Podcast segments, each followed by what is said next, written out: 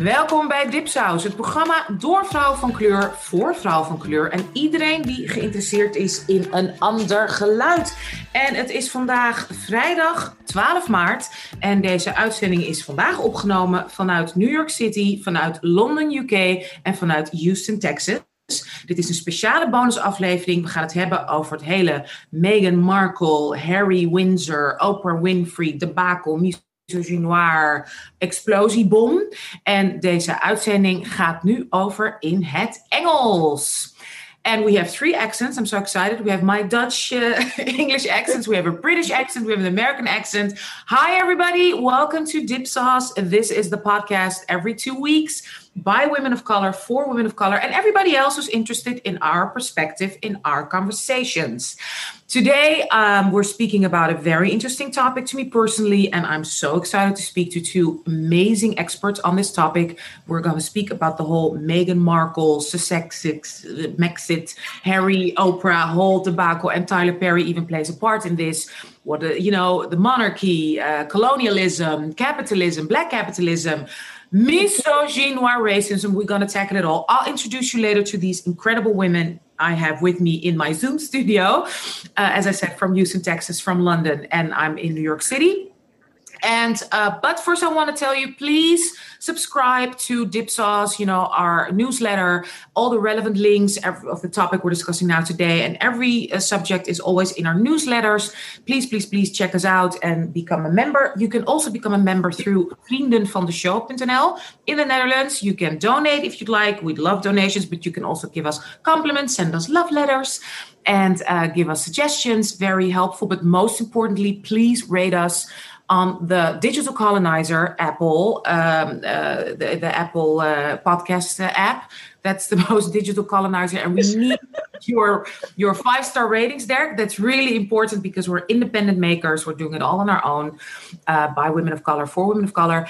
And also don't forget to get our books especially if you listen to this episode. Um, uh, we are one of the first we have one of the first translations in dutch in years of audre lorde's sister outsider. We're so proud of that. And plus we're so proud that the translation was made by a black woman which hasn't happened in a long long time. We also have the Dutch version after the British version and the American version of The Good Immigrant.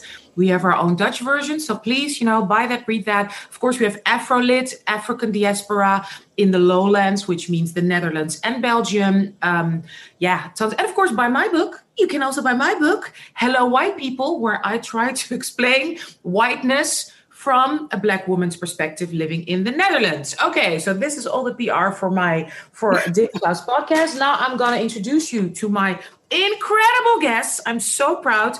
Uh, first, I want to introduce you to Sarah Ozo Irabor. She is a critic and literary activist with a passion for bridging the gap between, um, and I will ask her what that means, colloquial and contemporary literature. She's the producer and host of Books and Rhymes, the podcast. Ebis has been a guest that invites guests to take us on a journey through their most impactful books and pair those books with the music of their choice that best resonates the mood, texture and themes of each book. It's a beautiful podcast. Please listen, rate, and subscribe. And um, through their curated playlist, guests are encouraged to reimagine the transformative power of books and the way these two artistic forms dialogue each other. It's a beautiful podcast, especially if you're Dip Sauce fan. Listen to the episode where our Ebissé is a wonderful guest as well. Sarah has worked with organizations such as the BBC Radio, the, the Caine Prize for African Writing, Cassava Republic Press, Edinburgh Literary Festival, among others, to produce live podcast events, interviews authors, and um, yeah, or as a literary specialist, and I guess also critic. We also have from Houston, Texas, United States, Tanisha Everett. She is because she had to better herself, not because she's a colonizer, an ex-military. I mean, you've all, if you're a Dipsaus fan, you've listened to my podcast, my wonderful conversation with her, the Tanusha episodes. She has a bachelor's degree in fashion and a master's in mass communications. She's a contributing writer for Celebici, my favorite contributing writer. She's the founder of the AHA Experience podcast. She is an amazing tantric yoga instructor I'm one of her students. She's a visual storyteller. She's a globetrotter. She's a radical self care advocate. Her interests include cooking, fashion, travel, and wellness. And as I said, she runs the podcast Aha Experience. She's also an incredible photographer. And we're also working now on our camera skills because Tanusha, Tanusha have plans. And we want to include Sarah as well in that. Okay. These are my amazing guests. Please open your microphones, ladies. I want to hear you. We, I want to hear everything. No mute, normal mute from now on. Um, yes, there's a lot we need to unpack. So we are going to talk, as I said, about the whole, you know, for me, a vital conversation about this whole Oprah, Meghan, and Harry explosion, or what should we call it? right saga exactly so my first question is especially to you sarah let's start with you because you know you live in britain you live in this country where this has happened um, i'd like to start you know what has this saga meant to you if anything nothing um, i know that is that might be an unpopular opinion it might be unexpected but to be honest with you i've always been aware of the violence of white supremacy and white supremacist ideology.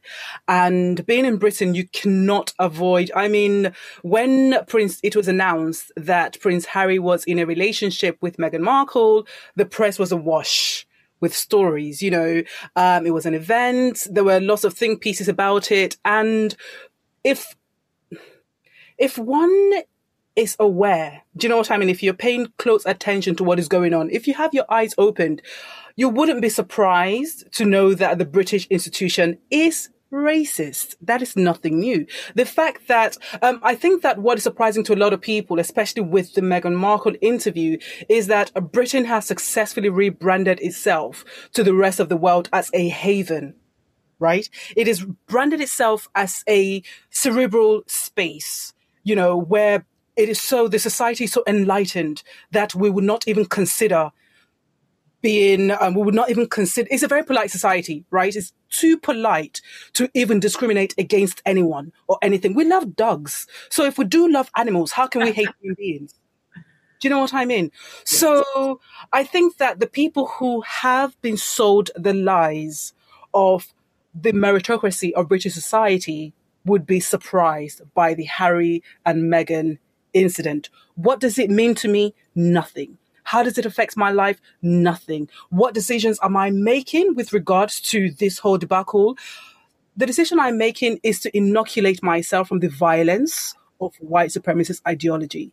The decision I've made is self protection, surrounding myself with people who affirm me, making a concerted effort to um, be conscious and aware of the conversations that I have with people, whether black or white or other, who perpetuate racist ideals or whose everyday behavior are microaggressive.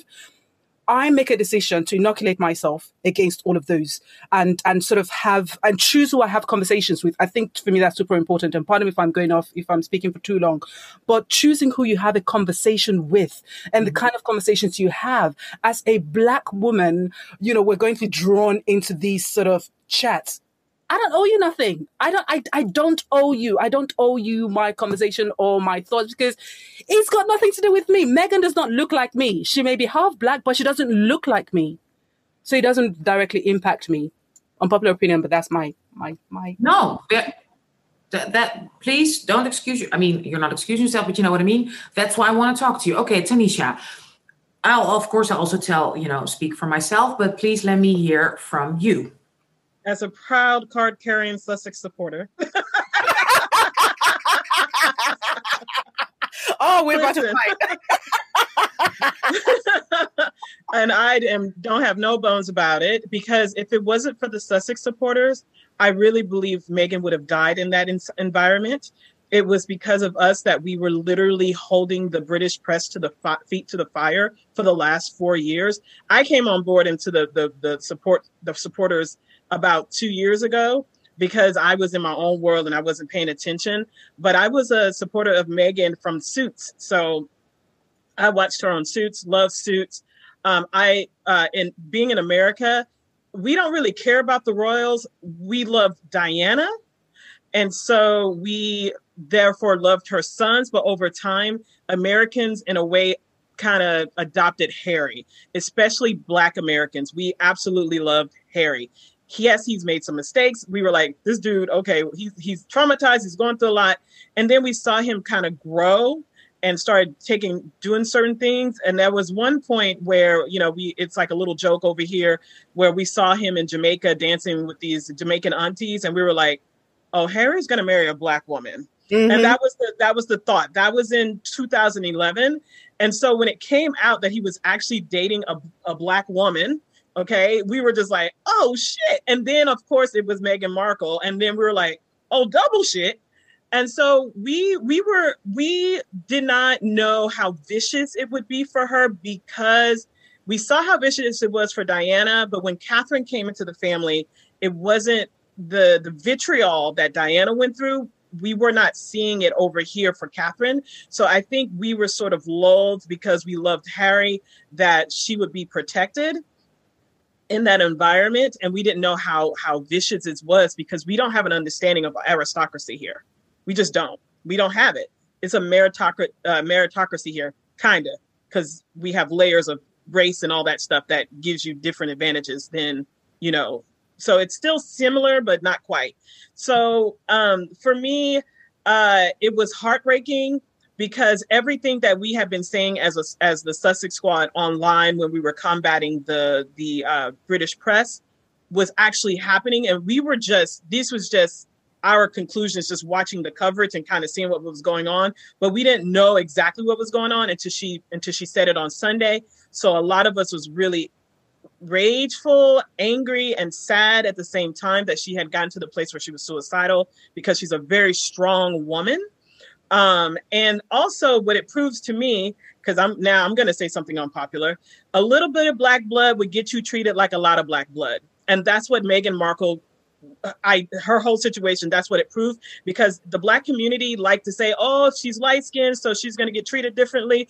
Well if she's in in the in the in the structures or systems of whiteness where black people don't know don't you know are not necessarily in for example Barack Obama then she gets treated just like a dark skinned black person because they feel like she's risen to a place of, of power or influence that she should not have so, if anything, I feel like uh, the conversation around her and what happened to her um, is important, not because it's her. It's important as a as a bigger as a bigger conversation about what is blackness and how it's actually treated in in the systems of white supremacy.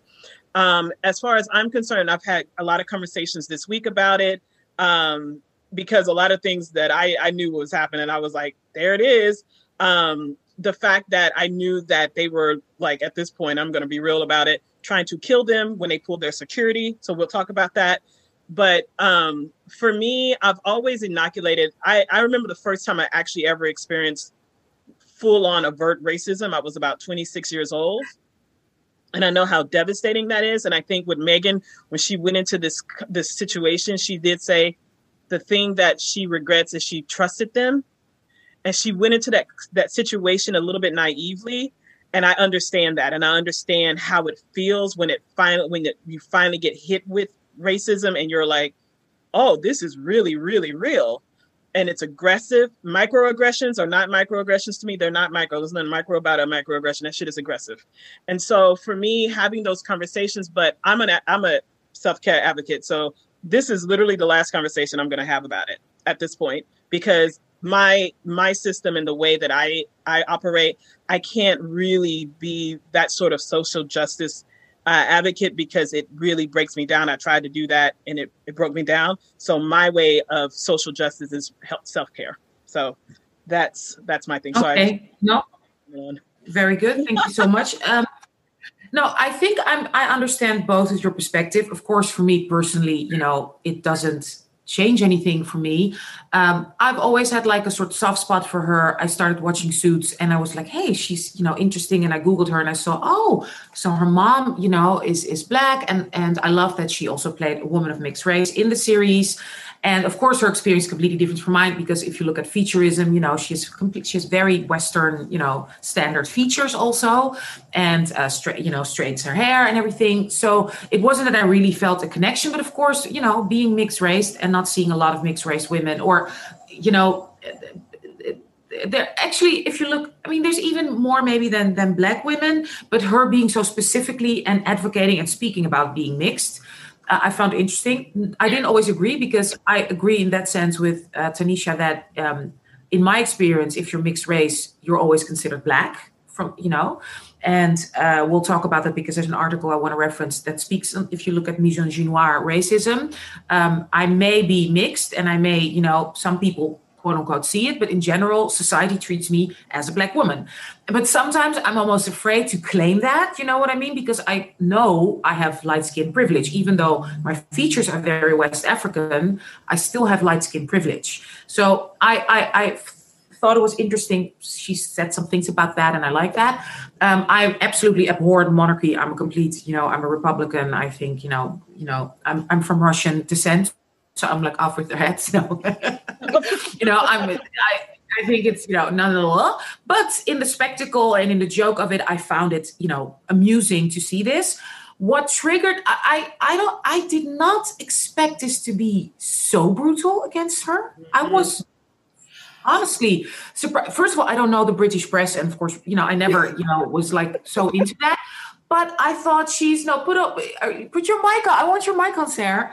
Well, mic is on because I know that Zoom lags, so I don't want to interrupt because I know that there is a lag in Zoom. Yeah. Yeah, it's just that for me, I thought, oh my God, she's so, you know, she's so part of the system and she's so willing to perpetuate that colonial, archaic system and like, you know, oh, the, the uh, how do they call it, the Commonwealth, uh, that I thought, well, they'll use her as a positive, you know, reinforcement of their own tropes. That's what I expected. So when they like went like literally after the wedding, it was like, what the F is going on? What did she say? What did she do that they're really going at her? And there was really a difference between, you know, yeah, like she said herself, Waity Katie and straight out of Compton. I mean, that was just not the same treatment. So in that sense, I didn't think it would be that vicious. So um, before we go to the interview, and I want to discuss a few quotes, Sarah, please tell me yeah. what did I, why didn't I get that? Because again, I thought she would be the perfect puppet to play the colonial game. No. Okay, so so um so and I have a comment for that too. Go for it, Sarah. The reason why yeah. I am the reason why I am I have checked out of the conversation and why I'm I am ambivalent about yes, ambivalent is the right word. Why I'm not engaging with the whole thing is because when you have been consuming so much trauma, it's secondhand trauma right? Because it is directed at Meghan Markle. She and Harry have been married, what now, for what, two, three years? But oh, don't forget that they dated for a while before then. So we have been undergoing this saga in Britain for what, close to five years. So for five years, you have seen the first modern day black woman or rather the first person of direct black ancestry, black woman, man, let's just call it what it is, right? Yeah. Um, who is getting into the royal household, right? We have been consuming all of this vitriol for five years. What you saw in that interview with Meghan Markle was a condensed, was her condensed narrative of what her life. Extremely yeah. condensed. We have seen it. When she mentioned that, oh, they asked me how dark my child is. And people, and Oprah was like, oh, I was like, oh, why are you surprised? Because what people don't realize was that, um, and and I uh, hold on, I've got it out here. When Prince Harry was, when Prince Archie, or rather Archie, who we now know that he was not, um, the the title was stripped from their children. When yeah. Archie was born, a BBC reporter, yep, tweeted something along the line of, um, he made a joke and it likened Royal baby leaving the hospital. Yes, when Meghan was leaving the hospital, he tweeted a cartoon, a racist cartoon, likening Archie to a gorilla. Meghan does not look black until she tells you that she has black ancestry. Let us call it what it is, right? Meghan is a sort of woman who, if having, if you are, if we are going to go with um, text, textual representation of race in America, she's a sort of woman that can pass if she wanted to. I don't have that sort of vision. I know that there are people who are so entrenched in racial purity that they can say that this woman is mixed. Megan can pass for white if she so, so chooses to, right? Um, but going to your question about um, the landscape, the British landscape, I think that when people do this conflation between Meghan's reception versus Kate's re- um, reception, you're missing the key thing here. Is that with Kate, Kate was, as far as when uh, Henry, when um, William got with Kate, Kate was a commoner meaning that Kate came from a family that had no, that was not connected to the and to the aristocracy. She was vilified by the press for it. Also, William and Kate met when Kate was, um, she was a model at the university, a university fashion show, and she was wearing next to nothing literally next to nothing. He saw this woman who looked good naked he decides that, okay, I want to be your girlfriend. And now we see her as the wife. But the British press vilified her for that one. They vilified her mother because her mother was an, was an air stewardess. They called her, they called the woman, um, they called her mother, um, the same thing that they're calling Meghan, a social climber. But the fact that with, with, um, Kate, who we now, she was Kate before she married William, um, William, and now she's Catherine. But for her to be accepted, and I think that it's important for us to study Kate versus Meghan. And I'm using Kate because that's how she was known before. Um, I've never called her Catherine, and I don't intend to call her Catherine because she ain't my relation. I don't know you. Um, I don't know her. we need to study both of them because both of them are outliers. Kate, a commoner, but white through and through. They can trace her ancestry. Meghan, a commoner, but a child of the colony. Her father is American, an ex British colony. Her mother is black, um, a product of British. Tra- um, British trading of black bodies. Let's just call it what it is. British right. demonization of black bodies, right? So two very, two serious, egregious stain on British historical actions are represented in Meghan's humanity and Meghan's being. So with Kate, what the British what the institution and the firm did with Kate was this. Kate was strictly a class system and Kate was strictly that she had no ancestral, um, no ancestral link to the aristocracy. They rectified that by creating a family crest for Kate's family. They created a family crest for her so that she would be ad- accepted into the aristocracy. Basically, letting all of us know that the whole aristocracy is a social construct. It doesn't exist. Mm-hmm. It's just a way. You can get a title. Yeah, you get given a title. There you go. They created a crest for her. She, her family now are now firmly part of the aristocracy. With Meghan now, how do you wash out race? How do you wash out someone's blackness? You can't. How do you wash out someone's Americanness? You can't. The time before Meghan, the American who got close to who, you know, entrenched herself to the, they call them, what do they call them now? Um, the senior royal family is King George. You know, Wallis Simpson, the woman who King George, uh, uh, Queen Elizabeth's father's brother, Queen Elizabeth's uncle, was meant to be the king, as everyone knows. He fell in love with an American divorcee, a white American divorcee. The only reason he couldn't marry her was because she was a divorcee, not because she was white, not because she was American. The American thing might have an issue to do with it, but mm. it was her being divorced. So the problem is not about class. It's not about um, it's not about aristocracy. It is about race. Mm-hmm. That's it right? We know that the, the British monarchy, they, they have proven themselves to bend over backwards to invite and welcome outliers into their family. In that we learn from the Queen Elizabeth's sister, Princess Margaret, who one who was in love with a divorcee. She wanted to marry him. He, she was not allowed to marry him. They changed the law for Camilla. They changed it for Camilla so um, Prince Charles could marry Camilla, right? But we are seeing the reverse with Meghan with Meghan, yeah. you can't erase race, but with Meghan, they removed, they retracted her child's um, lineage. He can't be a prince. No, I, I totally, but I thought, and that's, uh, and I think uh, Tanisha wants to respond to that. I thought they're going to use her as a PR puppet. You know, they'll probably spit her out, but maybe later. But for now, they'll use her as a PR, like, oh, we're not racist. Look, the Commonwealth, Commonwealth, colonialism with her. And she was also so willing to do that. And such a perfect physical example of, oh, this is also black. Oh, I can handle this. You know what I mean? Hmm. That's what I expected. So again, I abhor that system, but I thought, oh my God, she's perfect for that, you know, and they'll use that. I didn't think they would like kick her, like literally start kicking her out right away. I thought they would use her first for that whole Commonwealth, blah, blah, blah bullshit. And then, Tanisha, you wanted to, do, can you respond to that? Did, did you expect so I'm that? respond to you first saying or not? I want to, I want to make it clear. Meghan did not go into this situation to be a puppet. Meghan. No, no, no, is, not she no, wanted, but they would no, no, no, that. No, yeah. she. I don't really think that in her mind she wasn't thinking about being uh, the PR or a part of the mechanism. In her mind and in Harry's mind, they were looking at something that had an international platform that they can stand on to make necessary changes in society. That is what she's always worked on. That is what she always did. And I think for her, her, her her misconception was that she can change the system by being within it. And what we know, as I, I, can't remember who said this, I think it was Toni Morrison, you cannot tear down the master's house with the master's tools. Audre so, Lorde, Audre Lorde. Audre, there you go.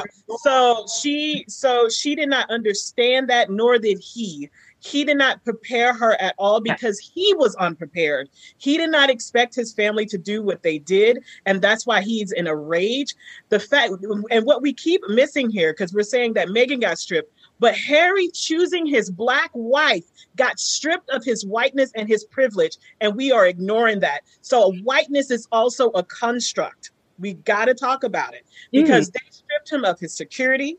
They stripped him of his money. They're talking about stripping him of his title. He's a born prince. he chose the black woman, yeah. and they are pissed. So I think, and we that- see what, and we and we see what that like giving up your whiteness, quote unquote, what it did to Diana because it, yes. they did the same with her. They took her title, they took her security. She was at the mercy of other people with money, and we all know what happened. So that is interesting. What, what do you, Sarah? See you thinking? I want to. I want to respond to the um, point that you made. Um, uh, whiteness. Me- oh, I just forgot my thought.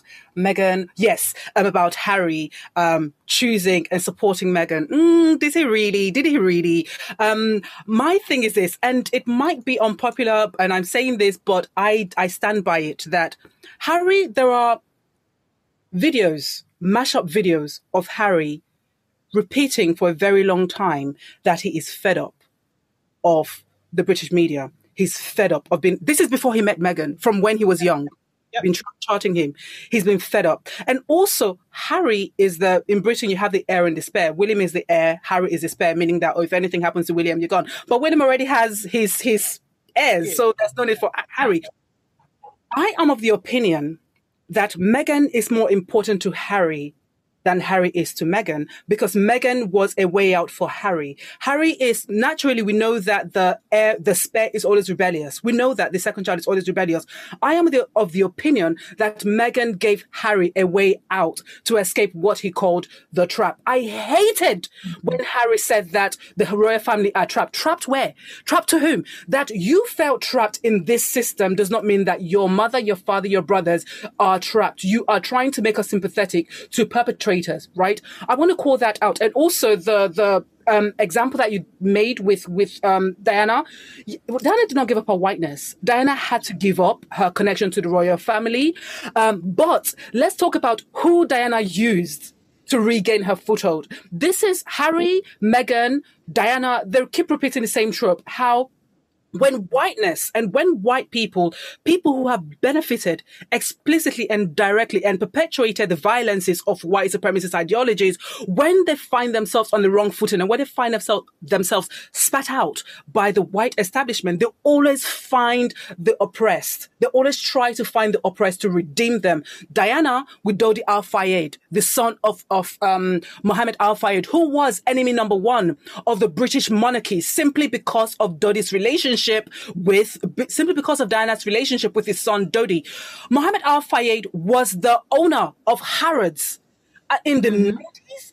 Harrods was the place to go. I don't know what the equivalent is in America. Maybe the Empire State Building. I don't know in terms of like a serious. Marcus. But no, no, no. Harrods was way better than Neiman, Man- Neiman Marcus. Like, like with Harrods, you had to dress up to go to Harrods. If you wore jeans to Harrods, you were kicked out. This was in the 90s. Yes. To the 2000s. This man, they refused to give him British passport. They refused to give Mohammed Al Fayed British passport because of Dodi's relationship with Diana right? So mm. it was Diana's connection with Mohammed Al Fayed, an Egyptian multimillionaire. It was her relationship with his son that sort of gave her footing, gave her mm. financial footing, yeah. social footing. What did Prince Harry and Meghan do? They went to America. Who gave them financial footing? Who gave them social footing? Uh, we all know Madea. you know, um, so I wanted to talk about that dynamics, about the ways in which white supremacy does not value black lives, no, but, but orders go to black people to seek redemption. Well, so I, I totally understand. To the point Wait, is, yeah, but I'm gonna go to you. But the point being that, who, yeah. So in that sense, her like let me put it this way. Of course they couldn't strip of her whiteness but her whiteness the way to protect her whiteness like you said she had to use someone of color because there was no rich where were the rich white millionaires who, who could have been like oh i'll be with her but no they didn't you know that was done. She was quote unquote damaged goods. So i find it's very interesting. Very tanisha go. You you wanted to say a lot of things so, so uh, take your Dodi time al-fayed wasn't the first person of color diana was with. Diana had a long term relationship with a man of color who was a surgeon that she was actually in love with. But because of her connection to the royal family, he did not want a relationship with her and he kept it hush hush. She was actually dating Dodi for two weeks to make that man jealous. It wasn't it wasn't a an open she was not trying to regain a footing by using Dodi as a person of color. Diana has a long line of embracing people of color in general. Again, I feel again, Diana, just like Meghan, was naive because she thought being in that system, and this is what a lot of people do. Some of us are more aware now, but a lot of people they're in the system, they're like, well, I don't believe in this particular way that the system worked, but maybe I can use the system to elevate other people. And I saw that with Diana. That's why we loved her over here. We hated the royal family, but we loved her. So it was like, mm, it's a little bit different. But she was dating a man of color, and I think he was Pakistani, if I'm not mistaken. Pakistani and a surgeon. And he said, I, I can't do this. Plus, also, he said, I will lose my life and my livelihood. Yep, and that's why he he wouldn't bother with her. I think that that's that, that that's what Diana liked. I don't think it was because she was trying to one up the royal family. And as far as the aristocracy, the aristocracy wouldn't touch her because they didn't want to piss off the royal family. Whereas Meghan and Harry, I don't even think Meghan and Harry, they even said it. They were not expecting uh um oh God, Tyler Perry come to their rescue, they found themselves in this situation where they were caught out and they were trying to figure out what to do. Because remember, they leaked where they were. Mm-hmm. Then Charles pulled their security and cut Harry off from his finances. And if it wasn't for his mother's money that she left him, they would have been sitting ducks. And thank God, but he couldn't get his hands on it right away, right? So Tyler Perry was the one who said, I will help you. There was also a white man that was helping them because that's where they were staying in Canada. So it's not, I, I feel like we're conflating uh, a situation. It just so happened. And hey, I, I think it's a trip that it was the black elite that came in and saved a product of the the very people who enslaved us. That is insane exactly. to me. Just looking at it from optics point of view, it's a bit it's a bit of a trip. And so I, I want to talk we are going to talk about that because I think that's very, and I want to reference a, uh, an article I sent it to you, to you ladies by Moya Bailey. It's called uh, Misogynoir Nearly Killed Meghan Markle. And uh, she literally says it's, you know, how interesting it is that uh, um, uh, they sought refuge at Tyler Perry's house, the house that Mr. Misogynoir built, you know, Madea. So we'll talk about that later because I, I love this conversation. I love what we're discussing. I love all the perspectives. But let's go for the people, because a lot of Dipsaus fans, I'm sure, didn't even watch the interview because you know we're not big royalists. But just to help them, why is it so explosive? Let's go through a couple of explosive quotes. The first quote I want to reference is that whole in white tears issue with, um, you know, one of the first negative articles on Meghan Markle was that she made Kate, Catherine cry. You know, that, yeah, that wedding was so beautiful, but meghan was, you know, an angry black woman because she made poor, you know, white Catherine cry. And about that, she immediately said to Oprah Winfrey, and I love that the reverse happened. I don't know if you guys know the podcast uh, um, uh, Keep It, but from, from now on, I'm going to use this for everything. If somebody asks you, Did you like this pizza? I will answer, The reverse happened. Beautiful sentence. But she said in such a polite way, Bitch, she made me cry. Your reactions. She was polite about it, wasn't she, though? the reverse happened, as opposed to that horrible, nasty, white, you know, privileged girl made me cry on the run up to my own wedding. Sarah, what's your reaction? A white women, feminist, white women tears, weaponizing white tears. Um, I mean, I, people have story for days. People have story for days.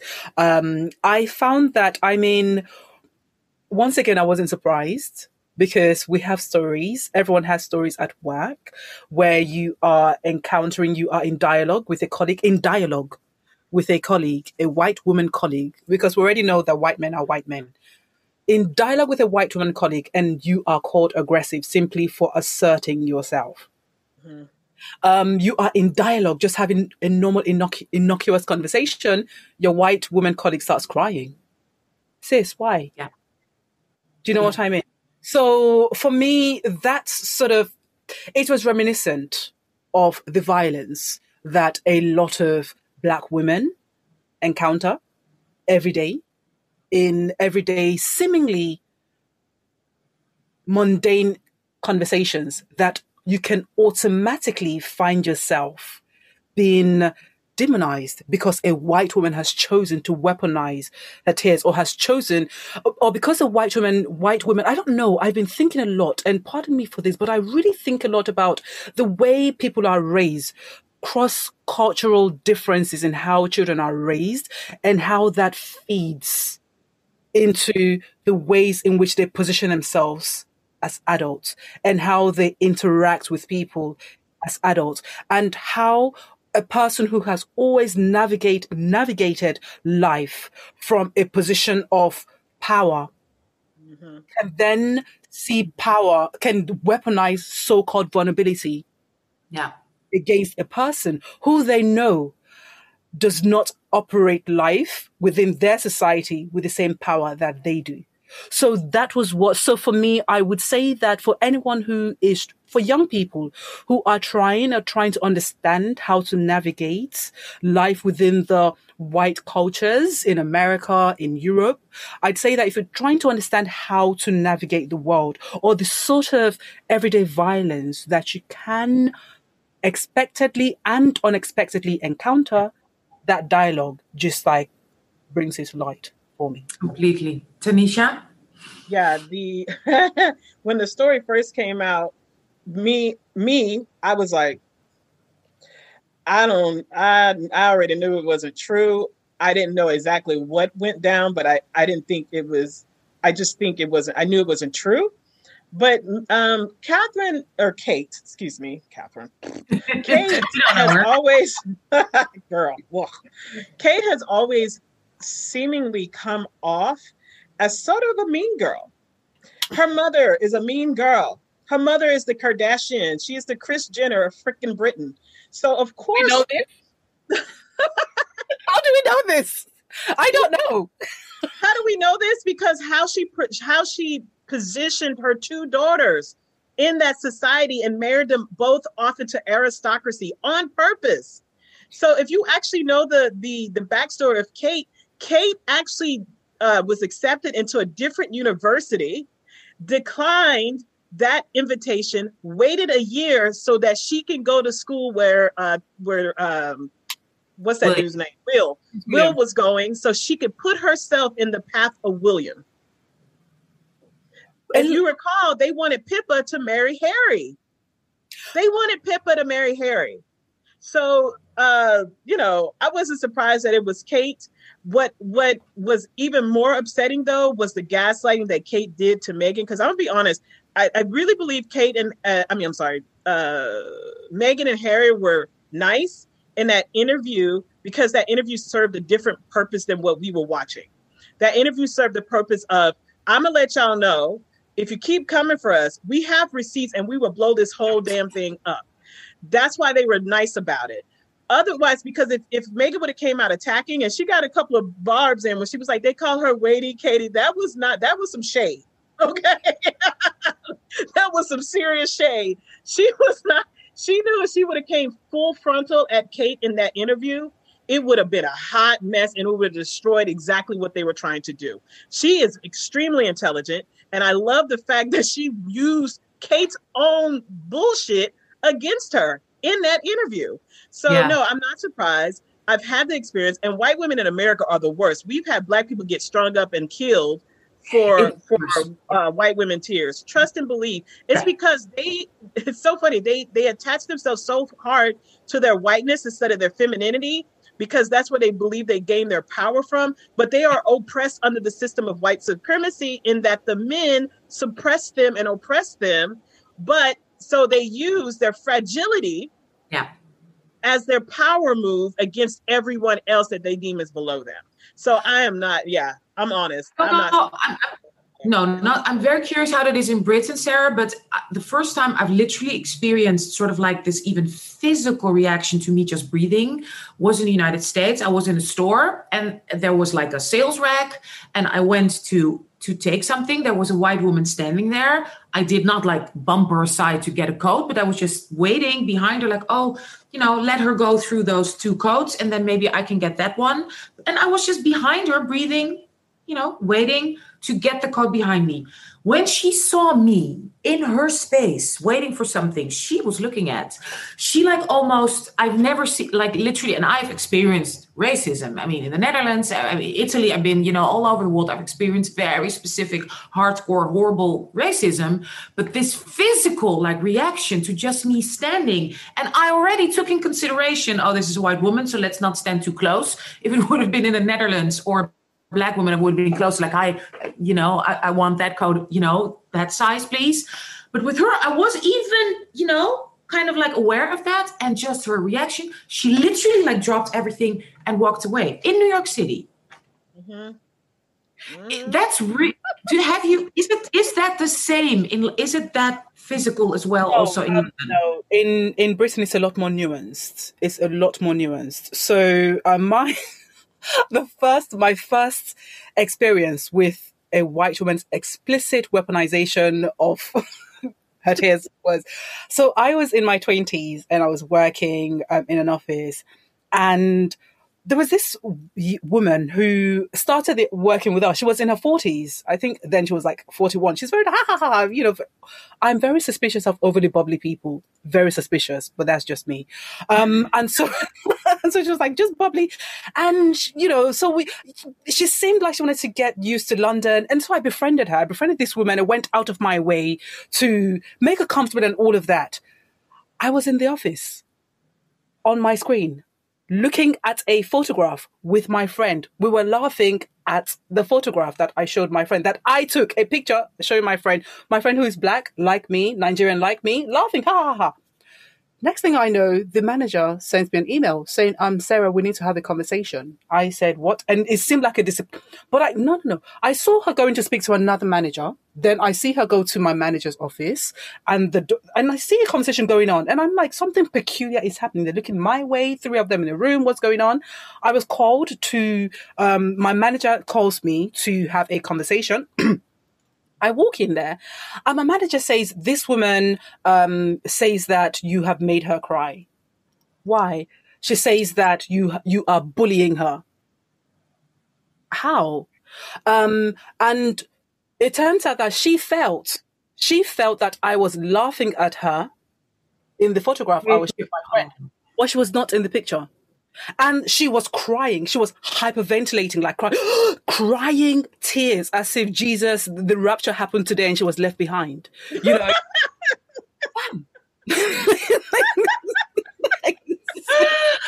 seriously. The- all of us in the room were women. I was the only black woman in the room.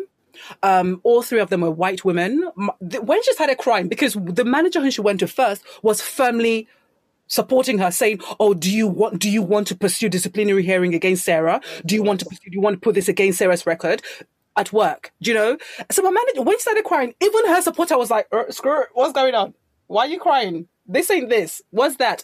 But um, once again, as I said before about inoculating myself, prioritizing myself, putting myself first and center, I the Nigerian enemy came out. Why are you crying? was I talking to you? We were not in conversation with you. And so I don't know. Is I sort of, I sort of, and I, this is what I, I, I for those who are listening to the conversation and, and have experienced direct aggression by white women, society, because we have been conditioned as black women and as black people, society tries to tell us that you have to shrink for mm-hmm. everyone to accept you. I dare you, and I'm saying to you, don't you dare shrink for anyone to accept you. The more you shrink, the more they break your back. I mm-hmm. say to you that when white women weaponize their tears against you, stand up firm with your back straight. And my strategy is to drop my voice a few decibels. And if you want to know I'm educated, I will tell you that I know the words in the dictionary and I'm going to call you out for your nonsense. Call them out. And I called her out for that nonsense and the case was dismissed right there and then. Even her supporter was like, girl, how could you embarrass me like this? How could you? Do you know what I mean? So white women do so the I, I raise that to say that there are certain ways in which you're not expecting this violence to come at your way, but it is so violent that she was threatening my economic well being. Exactly. And you you had the receipts.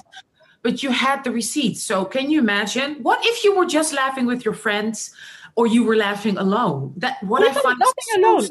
Even if I was, I, I, I posit to say that I want to, I want us to challenge this idea of having to have receipt or evidence all the time. Even when you don't have evidence, be firm and defend yourself. Defend yourself to the very end. The worst that could do, the worst that could happen is you lose your job. Why are you, if you don't defend yourself, you may lose your job. If you defend yourself, you may lose your job. Why not lose your job with your held, with your head held high? That's my thing. No, I totally get it's a good point. It's I mean, if you have kids, whatever, especially in the United States, no healthcare, blah blah. blah. But I, I do take your point. Okay, speak. Let's go to the next quote. Um, she said, "Yeah, exactly. You know, um, I didn't get, uh, you know, like we've already kind of discussed that no protection for her, so they were willing to lie about her safety." In order to protect the white, you know, the other people in the family. But one I also found interesting was she said, so listen to this. We have in tandem a conversation of her son while she's pregnant that he won't get security, he won't get a title. And that was sort of in tandem with the conversation. Ooh, what is this baby gonna look like? Like, how dark is he gonna be? Oprah was like in complete shock. Like, what, what, what? You know, Sarah, you're not in shock. Uh, Tanisha, were you in shock when you heard this? I listen. by by the time they got to that point, we it was not. I don't think I don't think it was that Oprah was shocked. Like, oh my god, I can't believe they were asked that. It was more like, wow, they actually asked that. Yeah, the caucasity. They had the caucasity to ask that. No, and, and plus, That's what plus that shock Oprah- was. As Oprah specified the day later to Gayle King on CBS this morning, she said, I was in shock that they would uh, tell, Tell me her. this, that they Yeah. would tell the world what happened. No, And- you're not. and they- Sarah, so again- you're- yeah. It was on purpose. Trust and believe. What Harry It and was- Meghan did that day was on purpose. Don't Everything. you, yeah. Every, don't you think, Sarah, that's a very smart strategy of them to tell on the world stage? Uh, yeah. I think for me, That was a great strategy. That's the the smart. best shit ever. you know, for me, I think that what the way I saw this interview was that, you know, Audre Lorde says that you can't destroy the master's tool cannot destroy the master's house. The master is the only one who can destroy the master's house, and that is exactly what we saw here. 'Cause it was from- Harry. Yes, exactly. If when if Meghan said whatever she said, people are like, oh yeah, she's just saying it. When it came from because Oprah made a note to ask Harry the exact same question. And Harry confirmed it. Yeah. And Meghan made a note to say that, oh no, they, they didn't say it to me. They said it to Harry. Yeah. Mm-hmm.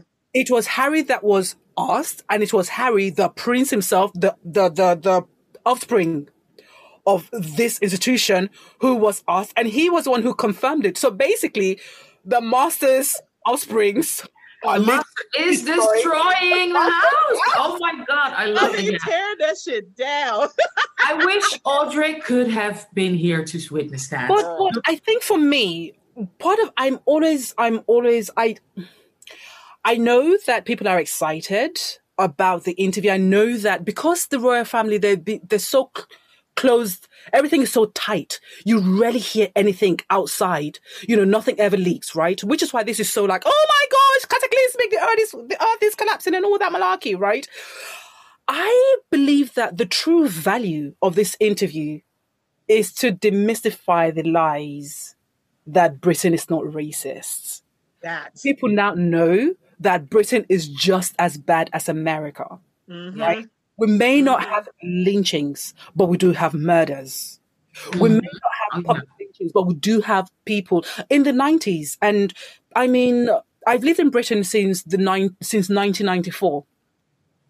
My mum's um, friends in there's a police station literally three, four minutes up the road from where I live. Like at the top of my road is a police station.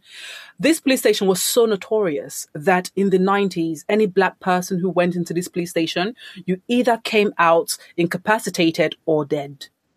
My mom's friends, these are Nigerians who migrated to Britain.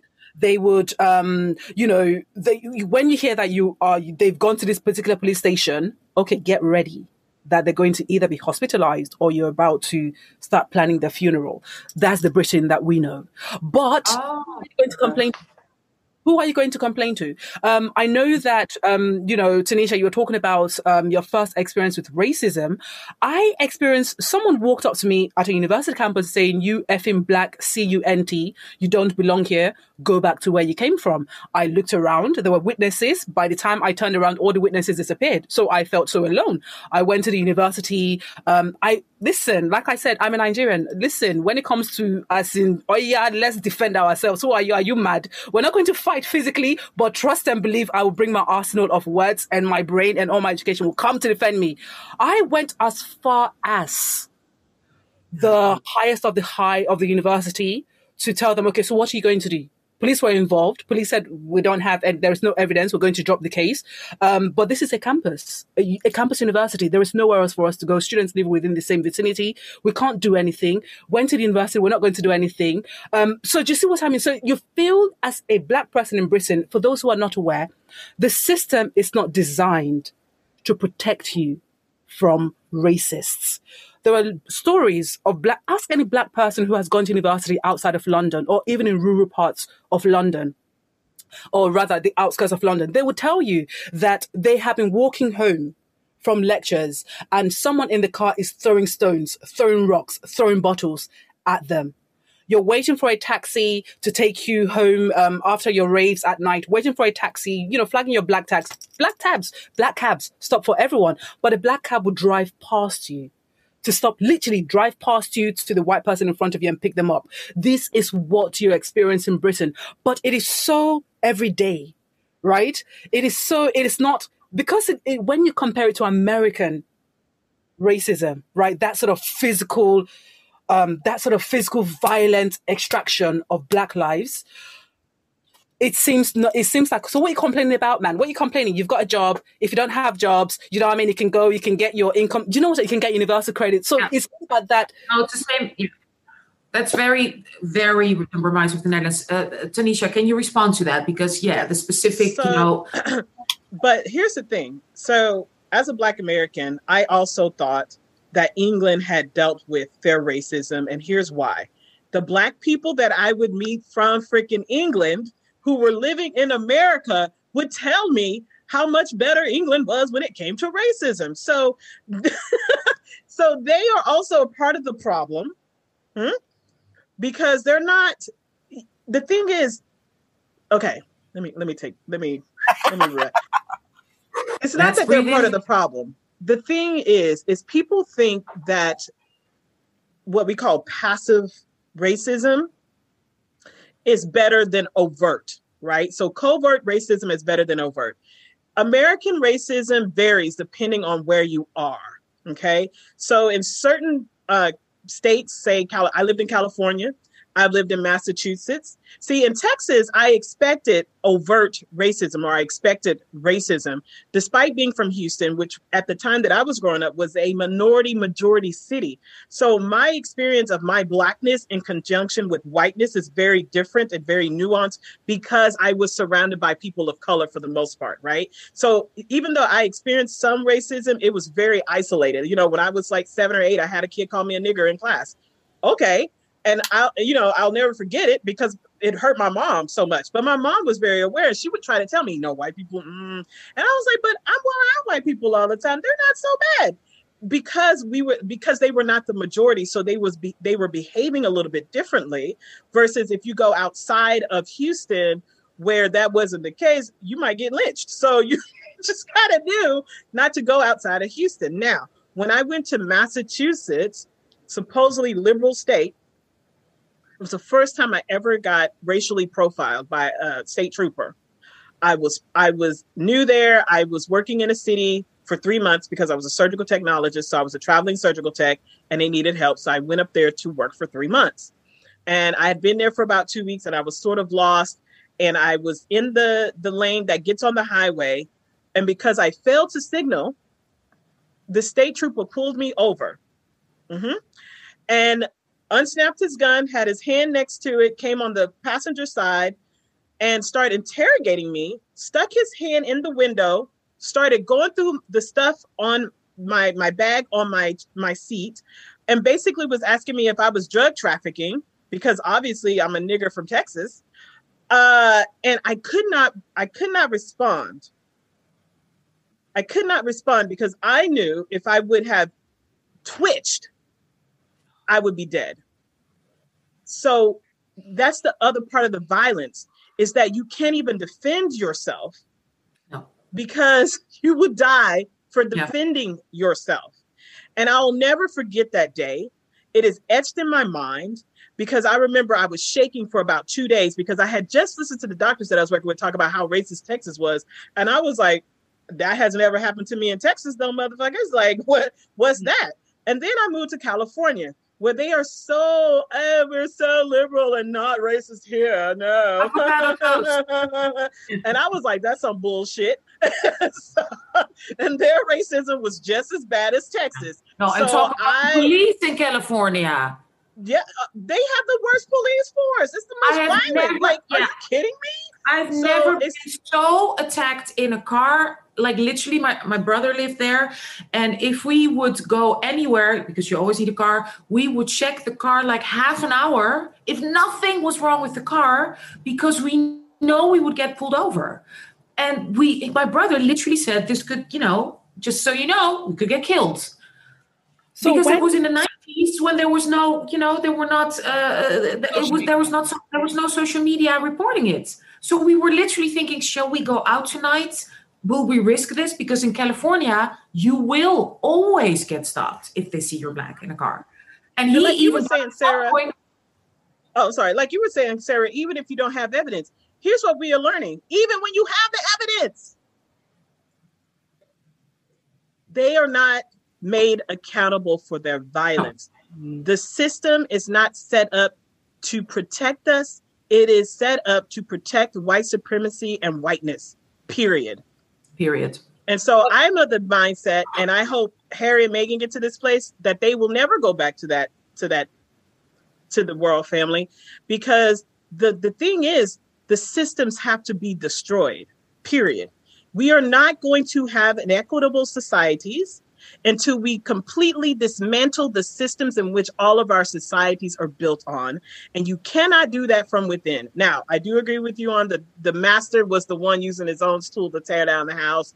And I do believe that that was the purpose of that interview. I don't think they were playing nice ball in that mm-hmm. interview. They were being nice.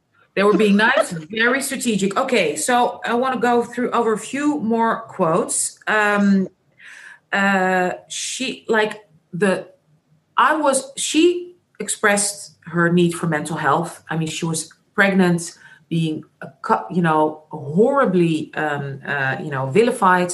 She was literally suicidal. She expressed that, and I, I can't say I was surprised, but the the, the how that people even doubt that. Like even the next day, in the British media, like you know, horrible Piers Morgan, you know, doubting even what she said, and that that was that is seen as you know freedom of press, and that is seen as free speech, that that is seen as an opinion, doubting a person explaining not only was she suicidal, but that even HR department of the, the you know the palace, the firm she works for, said to her, eh, well can't, you know, yeah, sorry, looks bad, reflects bad on us if we get your help, and you can get official help because you're not a paid member of the, you know, of the firm. So, oops, yeah, well, good luck. And every and that that is even being doubted the, the, the next day. Sarah, what what what that is, is that like Girl, the stiff upper lip? tip of my tongue, and I'm like, "Woo!" I'm gonna let Sarah go, but I'm gonna say what no, I. No, no, Tanisha, you go. Someone is going first. You go. I want to hear what's okay. on the tip of your tongue. Go first. Go first. Listen, Meghan Markle was literally a, uh, a house slave. I really want you to to really okay. like think about that. When she came into the royal family, she was supposed to be a paid member of the senior royal family, which would provide her with money for her wardrobe. Remember how they were dragging her for how expensive her wardrobe was? All that money, all that the wardrobe she had was not was not paid for by the royal family because she wasn't a paid employee. So everything she had was she bought with her own money because people want to forget she came into that family as a multimillionaire. So she wasn't getting paid, she was unprotected, and she was being used as a shield for the white people in the family. She was in she was basically a house slave. that's what she was. Ooh, she I, might not realize that, but that's what she was. Ooh, getting a hot flash. I see. I'm not. I'm not a Sussexer. I'm not a Buckingham, whatever. I have no dog in this fight and I have no interest in whatever is going on.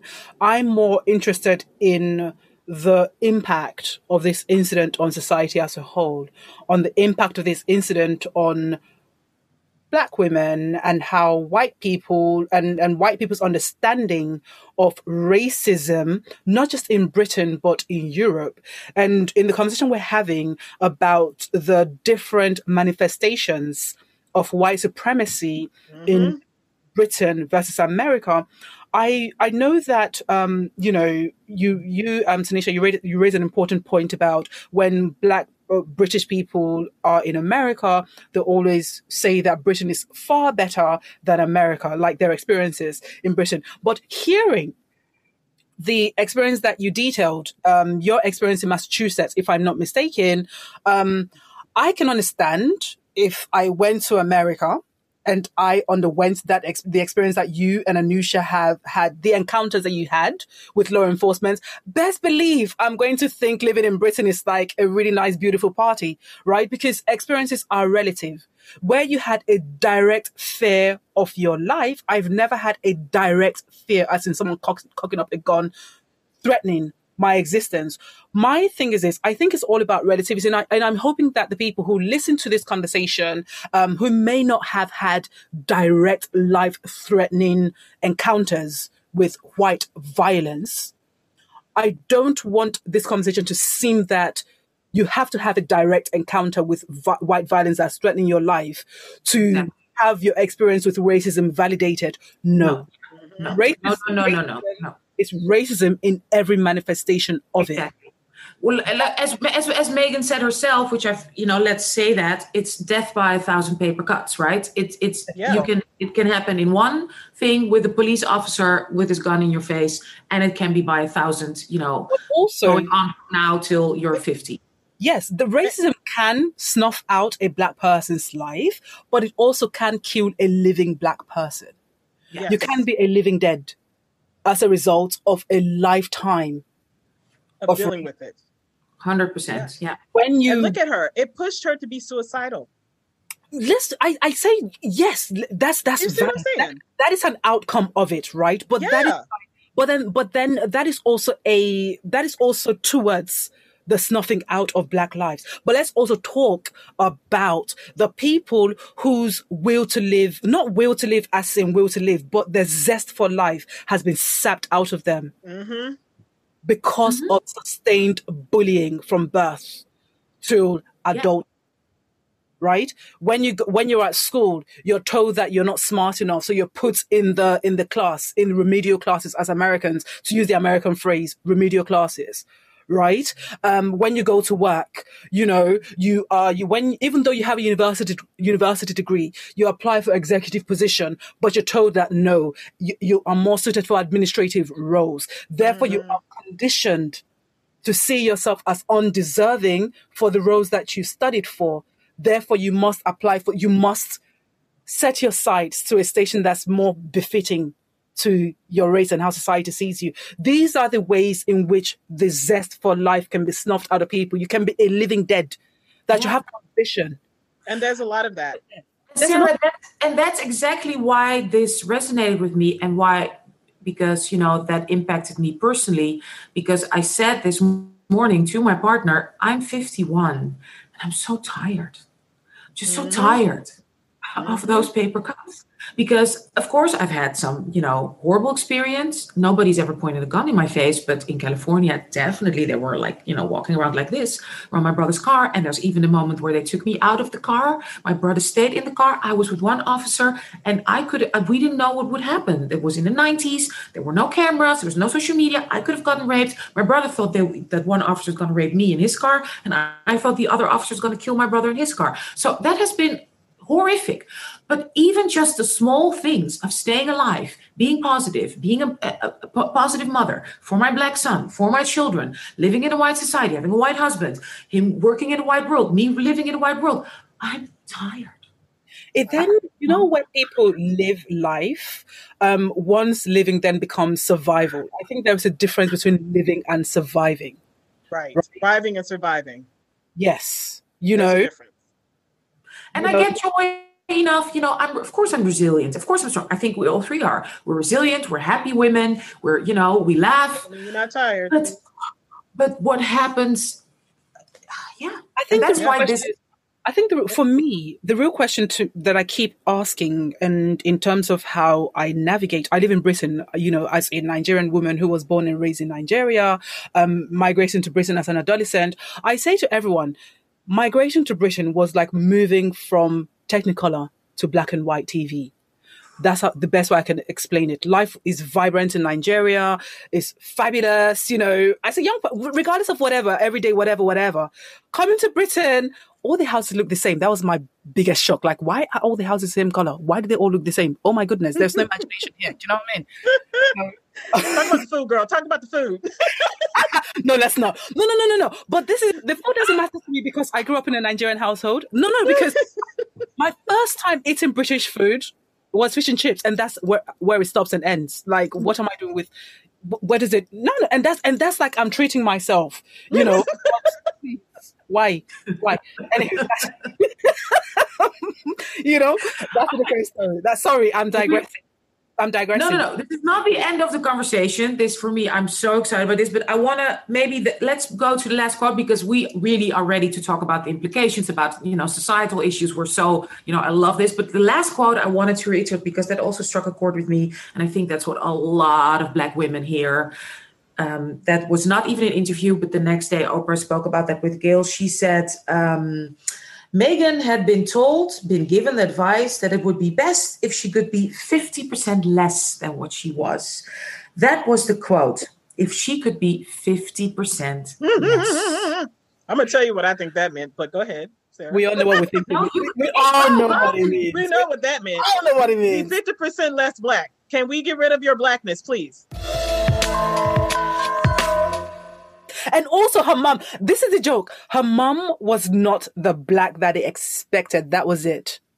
Oh my god, I loved The it. mom With the with did not dreadlock having. dreadlocks, no No. dream, What? hella intelligent. She no no no no no. Let's forget about her credentials because I'm sure they read about her on paper, right? Okay, uh, a professor, mental health, um, uh, you know, psychologist or psychiatrist or what, you know, a professional, right? And then you see this woman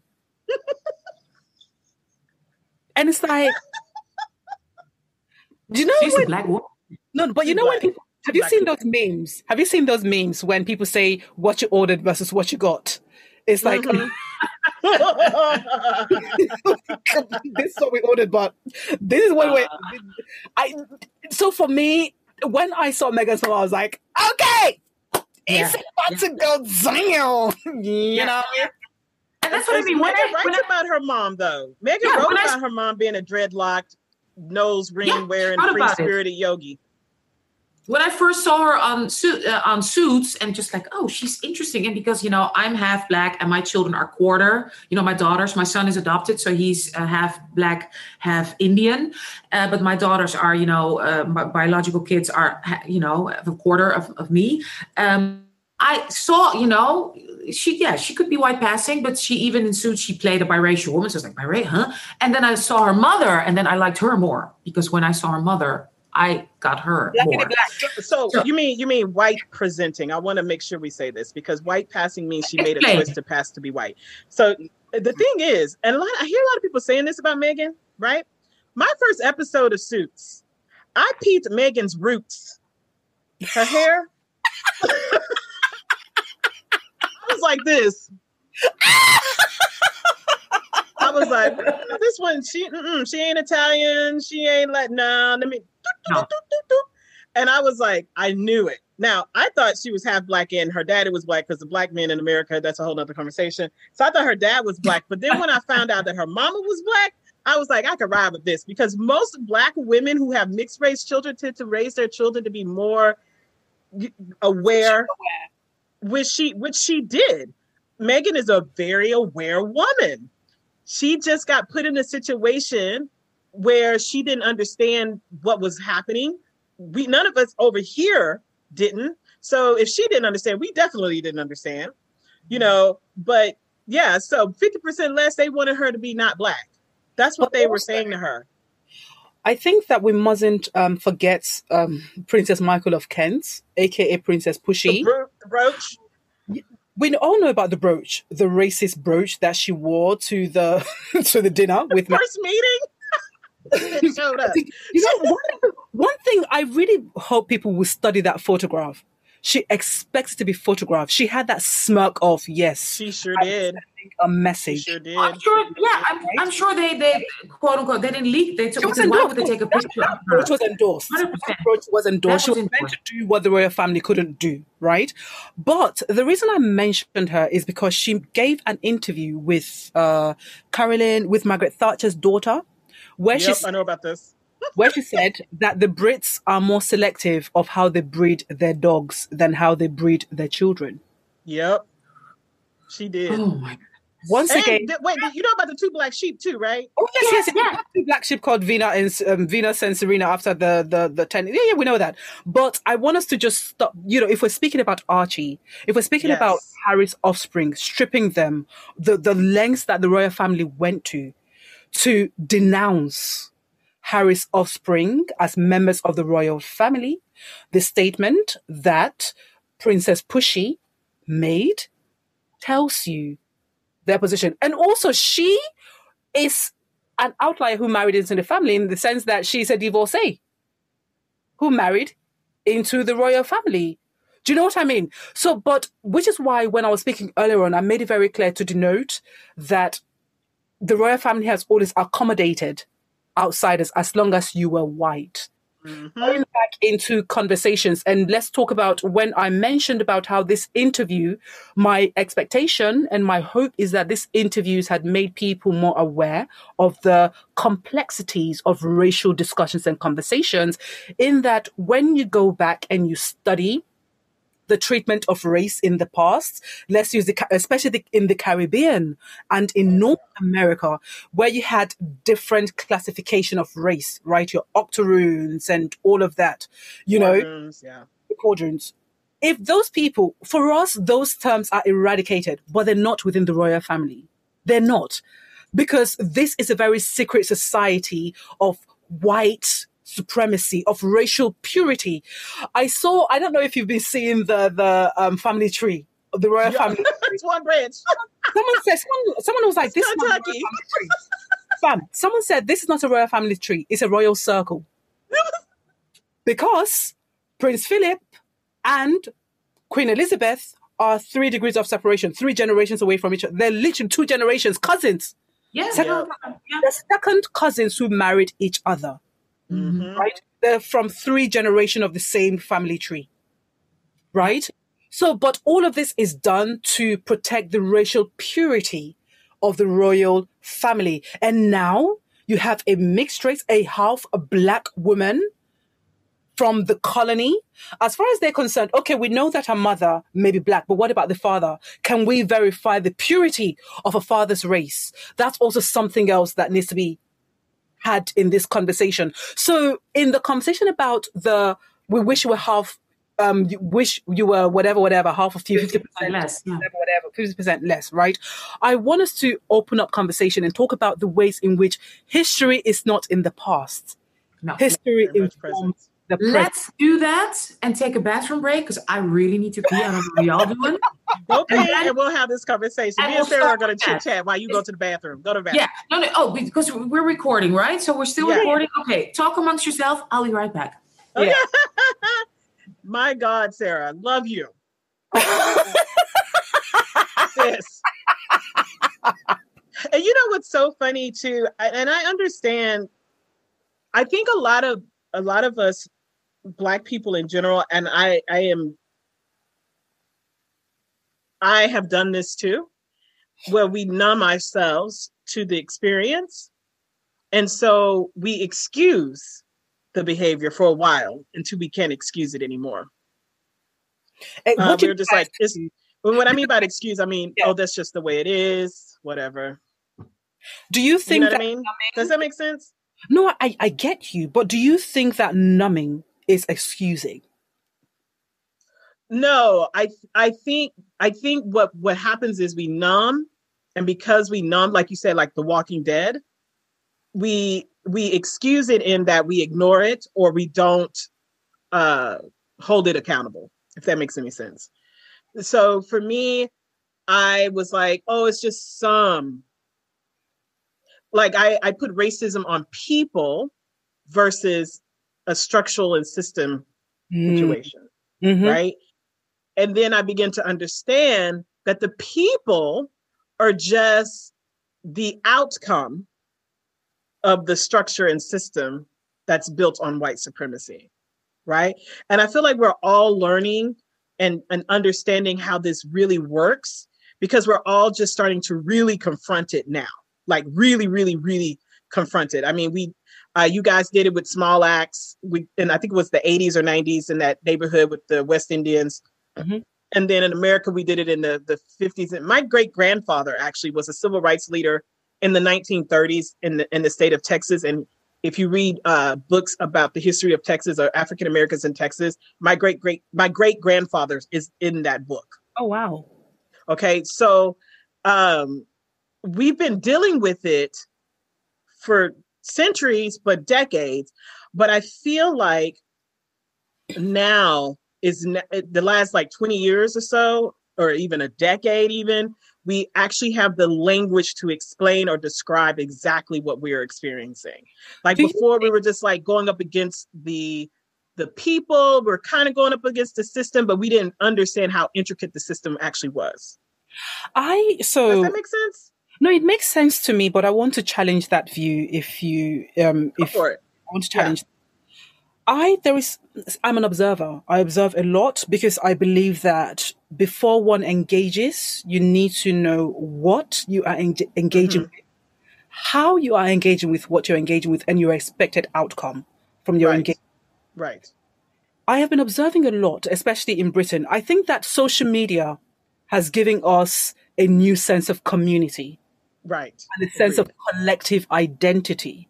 The reason why we're all having these conversations now, so Anusha, um, let's say, for example, if I'm going to position you geographically, I'll say Anusha, Netherlands, Tunisia, United States of America, and myself in Britain, even though we all have connections to different nations as well, right? But the three of us from three different nations having a collective conversation about an incident that's taking place in Britain is as a result of the global community of social media, how social media has unified us. But referring to the point that you made earlier, I'm very careful about the language we use to describe the works of our forefathers and our forebearers. That because with so, in social media generation now we're all more empowered now, where our parents they had to they were faced with fight or flight Mm-hmm. binary. I either fight with um, the police who are oppressing me or who's breaking down my door, or I fight with my boss, or I choose to live another day. Whereas social media has given us the third way. The third way is I retreat, then I go to social media, Right. get my community together. I feel that the power that social media has given us as today's generation, I feel that we may be erroneously disempowering our predecessors in the ways that they may have community organized, in the ways that they may have fought in their respective ways.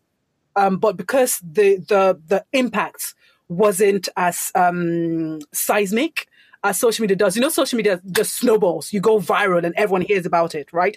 But if something took place in Devon, if like let's say a group of you know um, ten black people fought against a racist shopkeeper in Devon, and so they're fighting against that racist, um, the confrontation with that racist um, uh, shopkeeper, even if it's not a physical um, confrontation, the verbal confrontation against that racist um, shopkeeper meant that there were changes in Devon, meaning that all black people could go to into any shop in Devon. Because that if it wasn't written about, does that mean it didn't exist? No, I- so that's not no, so that's not what I'm saying. Why, no, no, I know that's not what you're saying. I know clearly that's not what you're saying. But I say that to say that in social media, I'm hearing a lot. A lot of people are positioning themselves as the first. I'm the first black person to do Right. this. I'm the first black person. I'm the first black president of my university. I'm the first Yeah. black person to write a book about being whatever, whatever. How do we know that? Right. What is the veracity of that claim? Who, what has emboldened you to make that claim? How does white supremacy structure feed into your boldness to make that claim? Who are you erasing from that claim? So it's not to you, but I think that we need to have a conversation about how social media, um, how social media discourse is erasing a lot of the battles and a lot of the wins of our forebearers. Yeah. So for me, what I what I'm saying about going numb. So in America, for a good, I will say, 20 years. So from like the mid 90s to Obama, basically. I'm gonna put it straight. we had lulled ourselves into this idea idea that we were in a post. So what you're going through in England right now is exactly what America went through from 19, let's say 1994, because that's what I, that's the year into Clinton, high school Is it Clinton? Yeah. Yeah. It? Yeah. Mm-hmm. Yeah to to obama and so when obama took place it was literally the Meghan Markle of America. By the hmm. way, did you know they were born on the same day? Do you know what, Tanisha? When you know what, Tanisha? When um when Anusha got in touch with me about this conversation, I was thinking, I was like, it's not co- it's not by accident that the two black people who have found their ways into closely guarded, like the peak of white supremacy, have been mixed race. yes. No, it's not. It's No, by not. accident. Yeah. That the first black president in Is America is mixed race. The first black person whose history is not contested. I know there's Princess Charlotte in the past, but her ancestry is contested. We're not certain. There's speculations that she is of mixed heritage, right? But Meghan is not speculated. We know for certain that Meghan is of mixed ancestry. I couldn't, it, it, it wasn't lost on me No, that both all. of them are No. mixed that whiteness can only allow Yeah. black into their spaces as long as there are semblances of themselves there. within it. But then they still treat it like regular blackness, though. And course. that's what we learned. And but That's what we learned with Obama, and that's what we learned with Meghan. Okay, And there's yeah. sorry, and then two things, right? How this false sense of security with Obama, like you said, Tanisha, mm. there was a lull, right? This post-racial, not post-racial, but this sort of tolerant America, non race, I would much rather say non-racist America. And when Obama was elected president, the conversation moved on to post racial America. In Britain, when Meghan found her way into the, I, I found a way to make it sound like she was lost, but regardless. but let's stumbled in, girl. let's just use it because it's a loaded statement, right? When Meghan found her way into the royal family, um, there were talks that it, it's like you said, Anusha, at the beginning, that, oh no, this meant that a lot of people felt that, oh no, this means that the royal family is tolerant. And once again, in the, what we experienced post Obama is that white supremacy is like, no, we're not. We're just a sleeping dragon and we're out to chew you up because racism, does, racism exists. Same thing in Britain. And the question I want to sort of pose to anyone listening to this and the people who are aspirational blacks, let's just say that, aspirational blacks, right? um, is Rachel Dolezal, hope you're listening. No, no, oh, stop. oh no. Oh no. I was no no no. I wasn't talking about wannabe black. That's wannabe black. That's wannabe black and aspirational black. Aspirational black meaning that people who want to succeed within yeah. the structures, uh, black people who want to succeed within the structures that white supremacy has car- carved out. And let's also call it capitalist society has carved out, right? You yes, work yeah. in a magic, magic circle law firm. You work in an investment banker. You work in one of the mainstream medias, right? For the black people who are pursuing capitalist definition of success, how much of yourself are you willing to give? Yeah, that part. Here, here. And that was my issue with Meghan. Like, wow, she, you know, and Tanisha and I spoke about it. Like, what was she so willing to give that of herself for such a corrupt, you know, capitalist system? What do you think? Because you, eh, we have our success. We had our conversations. So again, I really believe, and this is because I've been following her for so long. In Meghan's mindset, she was not she and, and, this is what a lot of people do until we until we can't if that makes any sense she was separating the the history or the symbol of the institution from what she believed would be something she can use because see she went in wanting to use the system to elevate other people and other causes what she didn't understand was the system was not going to allow her to do that. And in fact, it was going to destroy her for even deigning to do it. Okay. And so, and a lot of us have been, I know I've been there where I was an aspirational black person, you know, I wanted to be a doctor. Look, I was that person. I, you know, I, and, and and I have to admit that a lot of growing up, a lot of in black communities and some black communities, I was not readily accepted because of how I sound and talk, my mindset and the way that I think. And so I always felt somewhat separate from my own community because of how I present. Now I am as dark as you can get. Well, I'm not, but I'm I'm black black. Like you there is no you there is no confusion about who the hell I am. Black right. what? you know, but to black people, because of my wanting to have a different life, they call me white. They call me Oreo. They call me the blonde black girl. I got called all those things. It was hurtful. It was absolutely hurtful. And I and that's another conversation we need to have within the black community. Now, we don't again, I don't think meghan was thinking about capitalism. She was she literally, because you watched the video of her and Harry when they were having the conversation of their uh, engagement interview. Her mindset was I am a humanitarian and I'm going to use this experience to elevate my humanitarian work. That's how she was thinking. And she thought that she could do that from within the system. What she has learned the hard way is that you cannot do that. it doesn't work.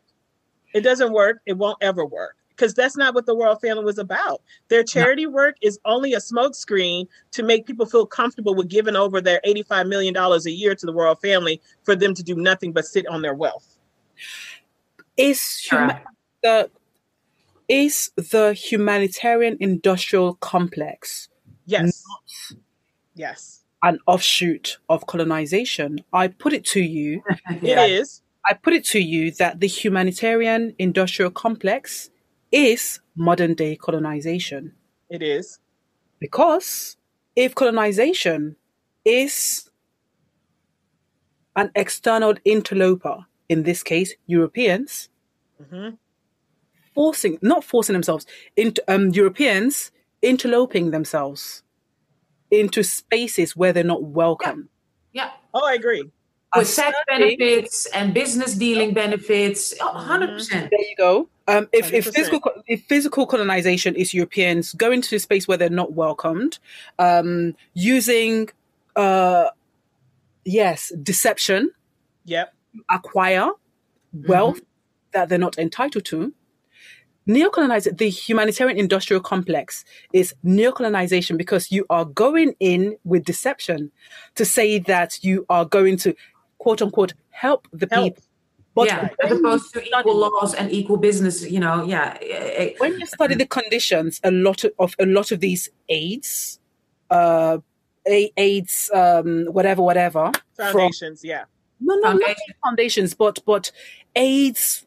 I still say whatever, whatever, because I haven't found the right language, right? Financial support. No, because support implies that it is in the benefit of the people. So whatever, Right. whatever. NGOs. got it. You mean Because we don't know what it is, right? We don't know what it is. It is Non-governmental- what it is, right? You mean non-governmental organizations? Oh, No, no, no. I mean, for example, we're talking about, so I'm going to expand a bit. It's still in the humanitarian industrial complex. You have individuals who are part of the humanitarian um, universe. Then you have governments Yes. who are part of the humanitarian complex. We are having conversations recently, a few um, for a few years now, I think about a decade now, about homophobia in continental Africa. What we're not having conversations about is that a lot of the homophobia in continental Africa is exported by American evangelist Christians yes. Yes. continental Africa. They tell these people that you get X money if you insist on XYZ. If you make sure that Right. these do not have right, if you curtail the right of people who do not conform to Eurocentric ideals or Mhm. Eurocentric cultural standards, Euro- Eurocentric definition of Christianity, right? So, speaking of the point you made, Tanisha, about Ma- Meghan Markle thinking that by marrying into the royal family, she could extend her work as a humanitarian. First of all, I query that. I wonder, and one question I also want to throw out there, and I, I think for everyone to think about is um, how much of your work is your work? How does your work impact other people, especially because Meghan studied international relations. How can you study international relations and not be cogently aware of the adverse negative impacts of the royal family in the rest of on the rest of the world? How can and and this is um, it's not an accusation; it is a question for anyone who is and I and I'm I'm also asking this question for people who are studying as well, right? People who are working within the financial structures, doctors and everything, who is excluded in the delivery of your service, right? Who do you invariably oppress when you are doing your work, or rather, what systems of oppression do you co-sign hmm in the everyday practice of your profession? That's my question. And another thing that we're not talking about is romance in all of this. I feel like we're having Yeah. a cerebral, um, intellectual conversation about not we as in all three of us, but everyone. We're having a cerebral conversation about the the fallout, you know, the social, cultural, political, economic impact of Harry and Meghan's Austra- um, uh, Meghan's inclusion to the royal family and their inevitable ostracization, ostracization from the royal family. But how much? Let's talk about love, right? I really believe that's what blinded her. I, yeah, I think she really had to find a way to kind of like you know, um, uh, uh, how do you say, analyze, you know, make make her own decision sort of like palpable, uh, palatable, palpable, yeah, palatable. Palatable, yes. Yeah, palatable. So, oh, you know what? Yeah, yeah, yeah. I understand because she's a smart woman. She's educated. She's, you know, Right. mom- she's black. Her mom's black. Uh, social worker. But she thought, oh yeah, well, but if uh, uh, uh, she was negotiating, she's been she She was negotiating. Yeah, exactly. She was Next- negotiating. And so she was was, he, though. she was stigmatized, so she started She was stigmatized And let, let's be Yes, honest, she was, who hasn't we know negotiated, in, you know, we've all been in relationships or affairs or you know whatever encounters where we were negotiating. I know I. We were been. negotiating. I've been yeah. there. I've dated the guy from Northern Ireland where no, I was negotiating. What did he like? Did he, wear, did he wear a swastika? Does he wear a Nazi swastika for Halloween? No, but again, oh. so here's the, uh-huh. here's the thing about that. This I'm gonna I'm gonna come to this because everyone keeps bringing that up about Harry. There's two. There's a couple of things that people don't don't understand. One, first of all,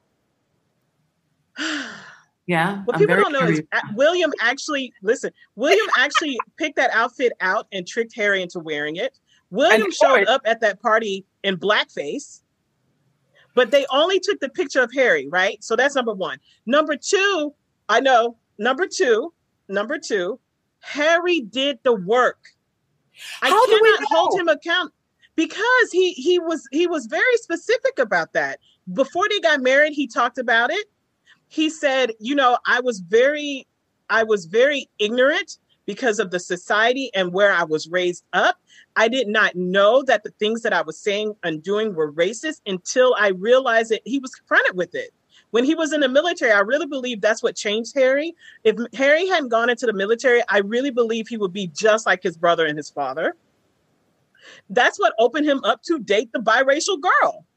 Do, Do you, know? really think he would have dated the biracial girl without doing the work? She Did you wouldn't see him dancing in Jamaica though? Did you see him dancing in Jamaica? Of course, he would have dated the biracial girl when you saw him. well, I mean, yeah, we saw him dancing, but he had he had started doing the work before Jamaica, by the way. So think- that's the thing. He had started doing the work.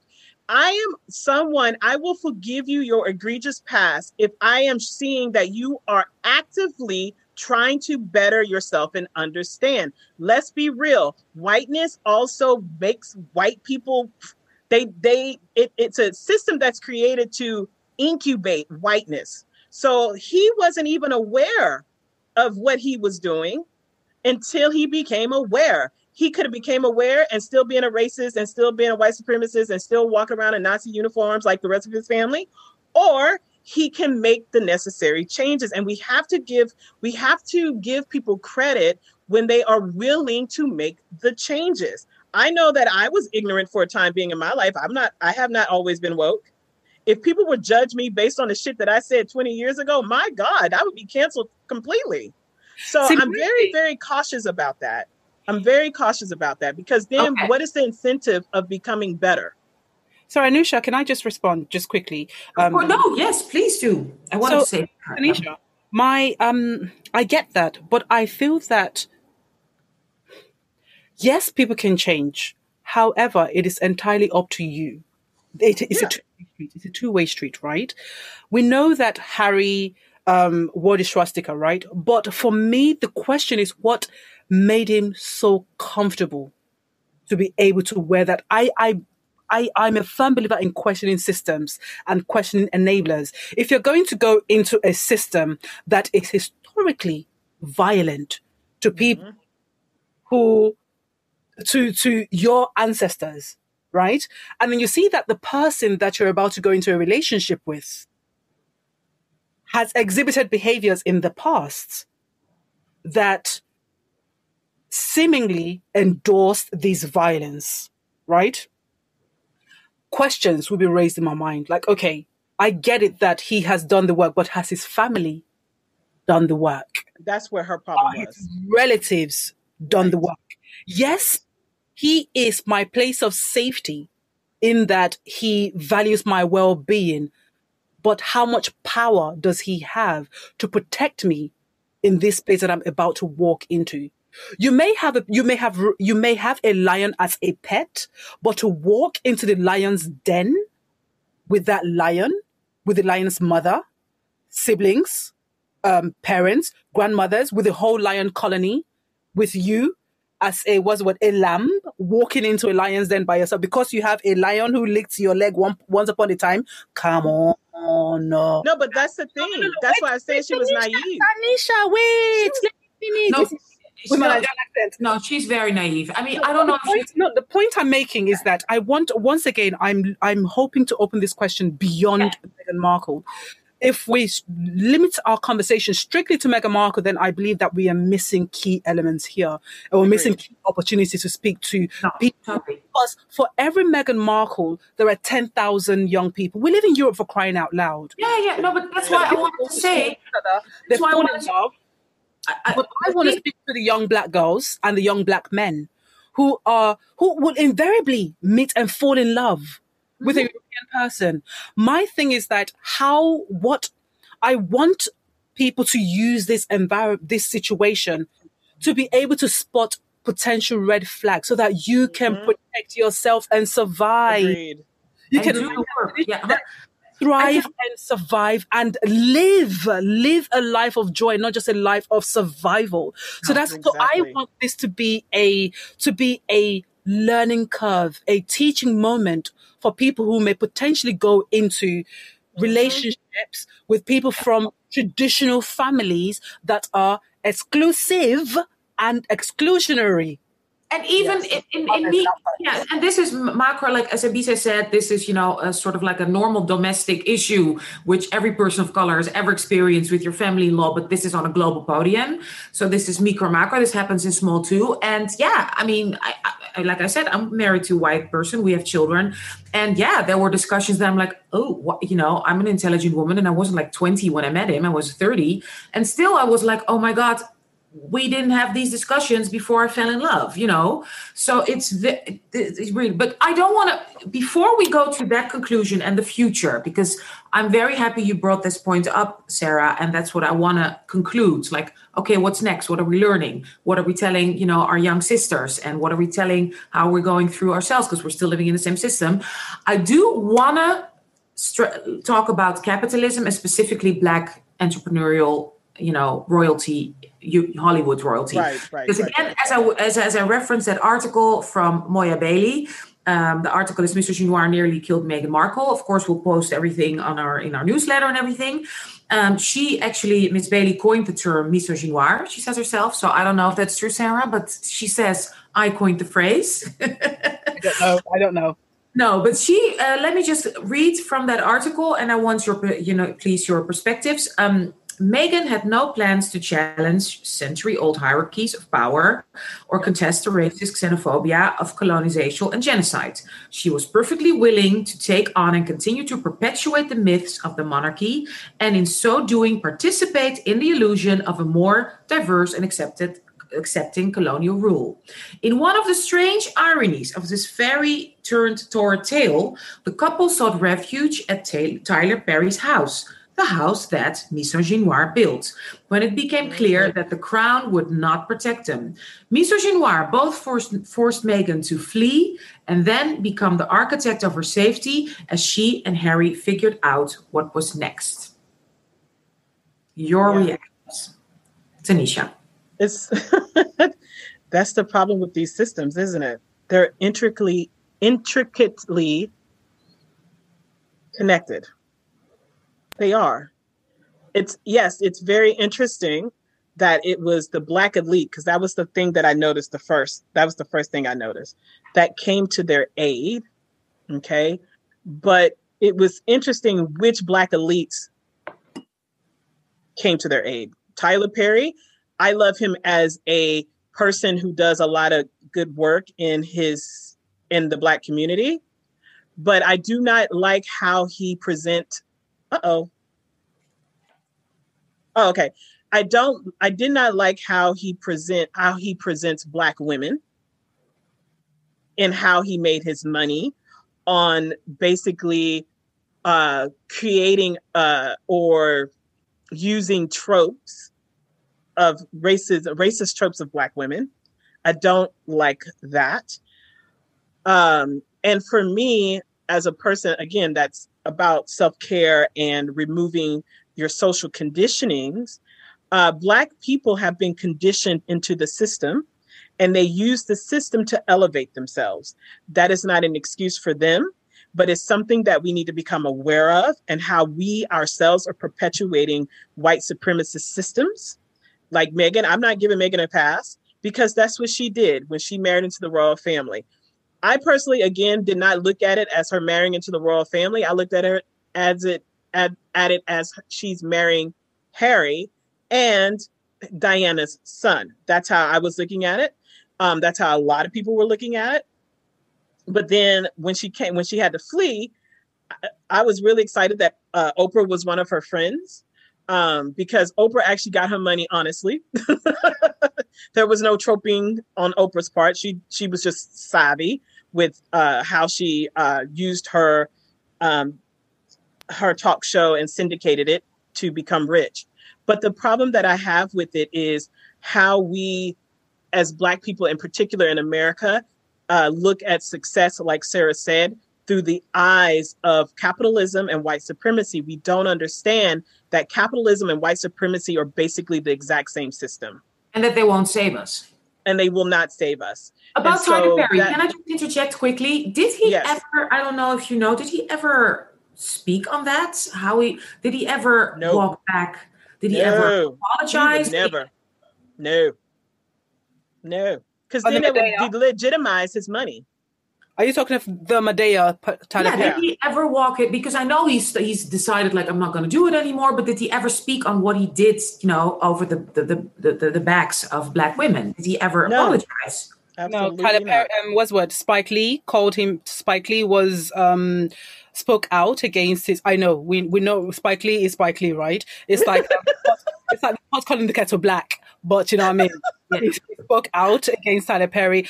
But one thing that I found interesting was that a lot of black men were speaking out against Tyler Perry's um, caricature caricature of black women but i felt that they weren't they weren't defending black women they were defending they were defending black culture they were they yes. were they, were, they felt yeah. that tyler perry was cheapening Yes. The environments that they grew up in. They felt like Tyler Perry was debasing the black household to white gaze. Um, and they tried to diminish his art, but, you know, like Oprah, they were very used um, capitalism to their benefit, you know. Mm-hmm. What um, what does it say? Uh, you know, if you look at uh, new royalty, you know, black uh, capitalist uh, royalty versus uh, the archaic British monarchy royalty.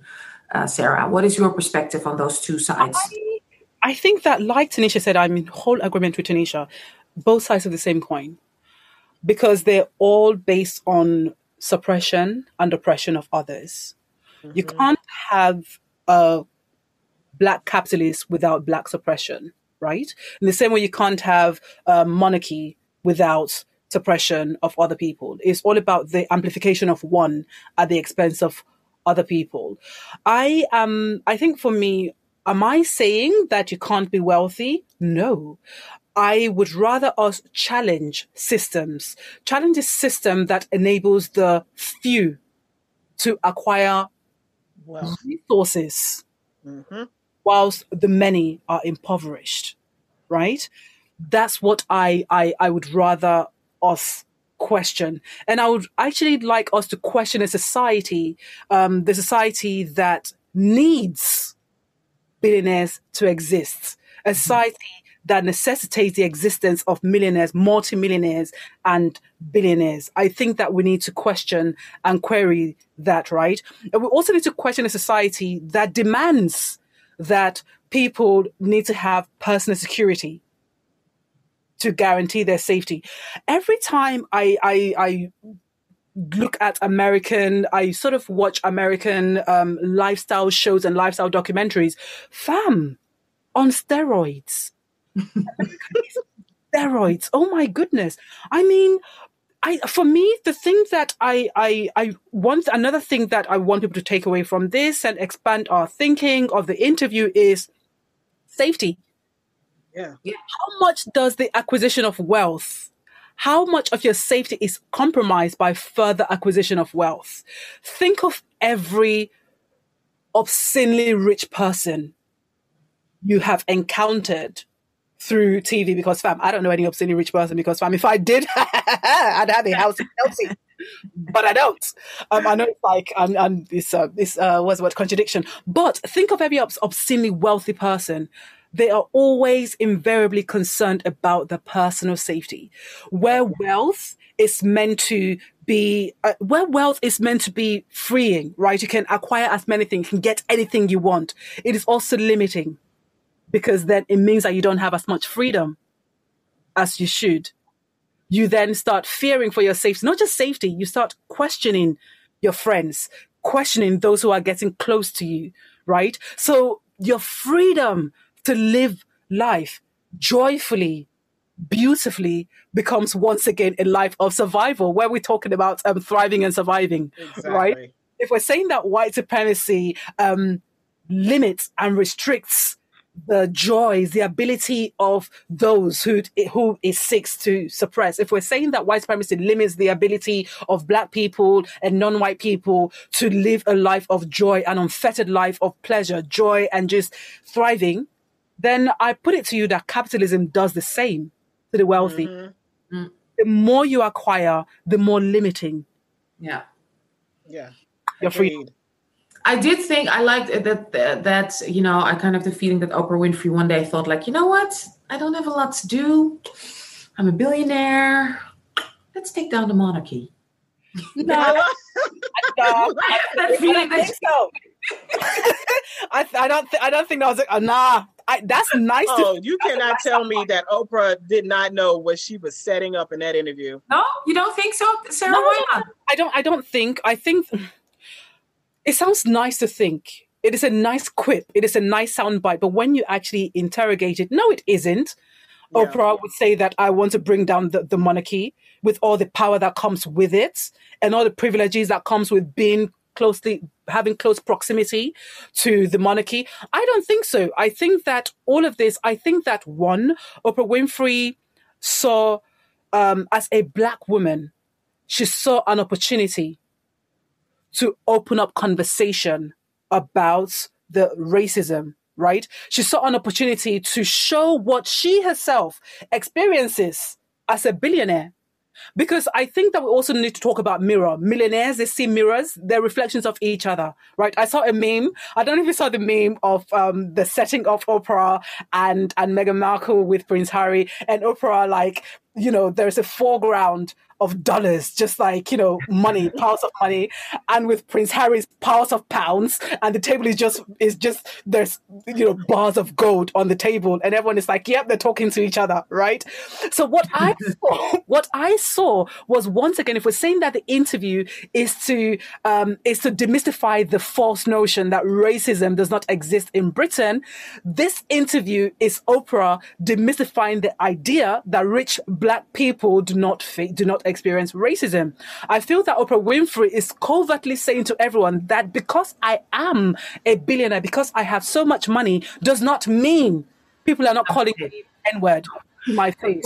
What I do want to say about that, why I'm, I'm, I'm hope, you know, I, I think she, you know, I hope she does have an ulterior motive, is because she's been to the Netherlands, and um, a comic that I know spoke with her really privately, like completely on not off the records and she wasn't even officially uh, in the netherlands or i don't know no maybe she wasn't in the netherlands but he spoke with her like you know, and he said, "Oh yeah, I don't, I don't, I think he was in America. I don't know, but he got a meeting with her privately, nothing professional. And when he told her he's from the Netherlands, she did say that she really liked, you know, a socialist democratic country, and that she's like, oh, I can't, I, I can never speak my real mind, and that she is way more um, like for against monarchy and more socialist, socialist, yeah, than she could ever say in America because yeah, she lives in the system, she's a black woman, and yeah, she became a multimillionaire or billionaire to to protect herself. Mm-hmm. And, and, I don't think here's the thing about Oprah. Hoping. I don't think Oprah. I don't even think Oprah knew she would become a billionaire. By the way, guys, mm-hmm. That wasn't necessarily in her cards. It was an accidental fortune. Huh? It was an accidental fortune. It was an accidental fortune, uh, and so she's had to grapple with it. And we won't even talk about how the black community treats. I mean, we love her, and then there's this again. There's this section of black community in America that so it's, it's so many layers. It's so many. When layers. when yeah. a black person arises to a particular place, they also get jettisoned out of the black community. Like the Obamas, we've seen that. We've seen that with the Obamas. Yeah. So it's like, oh, you can't understand our struggle. How do you think they got there?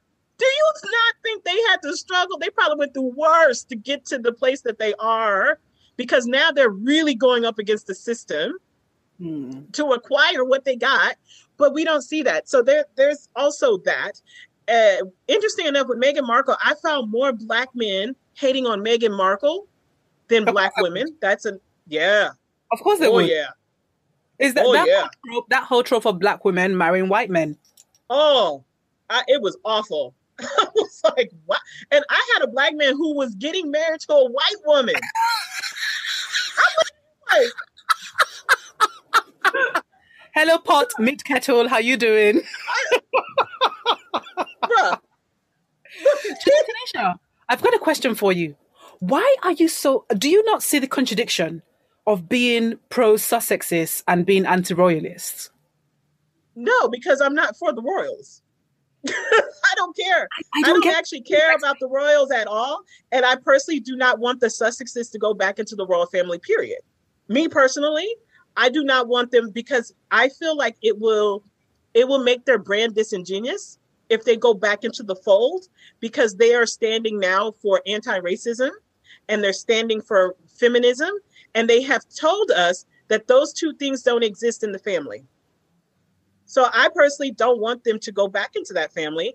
I personally didn't like that family after Diana to begin with because I like Diana. See, that's the thing about Americans and our thinking. We tend to separate people out of the the institution they represent. okay, this is this is how we think because again, we come from a meritocracy society, right? A seemingly, so, seemingly meritocratic society. Yeah, that, that's why I'm doing the air quotes, guys. By the way, I'm doing air quotes. You uh, did air quotes. Yes, yes. air quotes. Uh, so, so for us, it, you know, when we look at Harry, we look at Harry. We don't expect his family to be like him. But they still want to go back. They said they're open to. No, you know. I, I'm gonna be real with you. Again, I'm going back to. I think that interview, they were being nice because, see, if they would have said anything else, what do you think the tabloids would be doing right now? Everything they said would have gotten pushed to the side and they would have honed in on, oh, look at them. They're just trying to destroy the royal family and that's and they don't want to go back. See, they said they didn't want to go back. Wouldn't it have been okay? So wait, making a transition making a transition now to what are we gonna learn from this the future to right. to kind of wrap this up. Um this is so much fun, guys, by the way. I'm loving this. Yeah, no, maybe we should do it again but uh, wouldn't it have been what do you guys think wouldn't it have been more and i'm speaking now as a daughter of, of revolutionary parents if they would have blown it up if they would have said yeah and we're and this and we're not going back and fuck it and we're here now with Oprah to tell you to fucking burn the shit down. We're burning it down. Wouldn't have that been even better? I would have loved for them to do that but here's what but see i'm a strategist in my thinking. Again military person here what they did was they drew the battle lines in that interview. Define the they battle drew the battle lines in that interview. Okay, am I right, Sarah? Def- um, they drew the battle lines. I want you to hmm? sort of define. I want you to define what you mean by the battle line that they drew. So basically, what they were saying was, "Leave us alone," because if you notice, they were they right before the interview started, they had the thing that came out that she was bullying staff they pulled their security and told everyone where they were, right? They they were trying to get their their their Spotify and Netflix deal annulled by smearing them all across the international waters. So and making them persona non grata to the people that gave them those positions would let them go.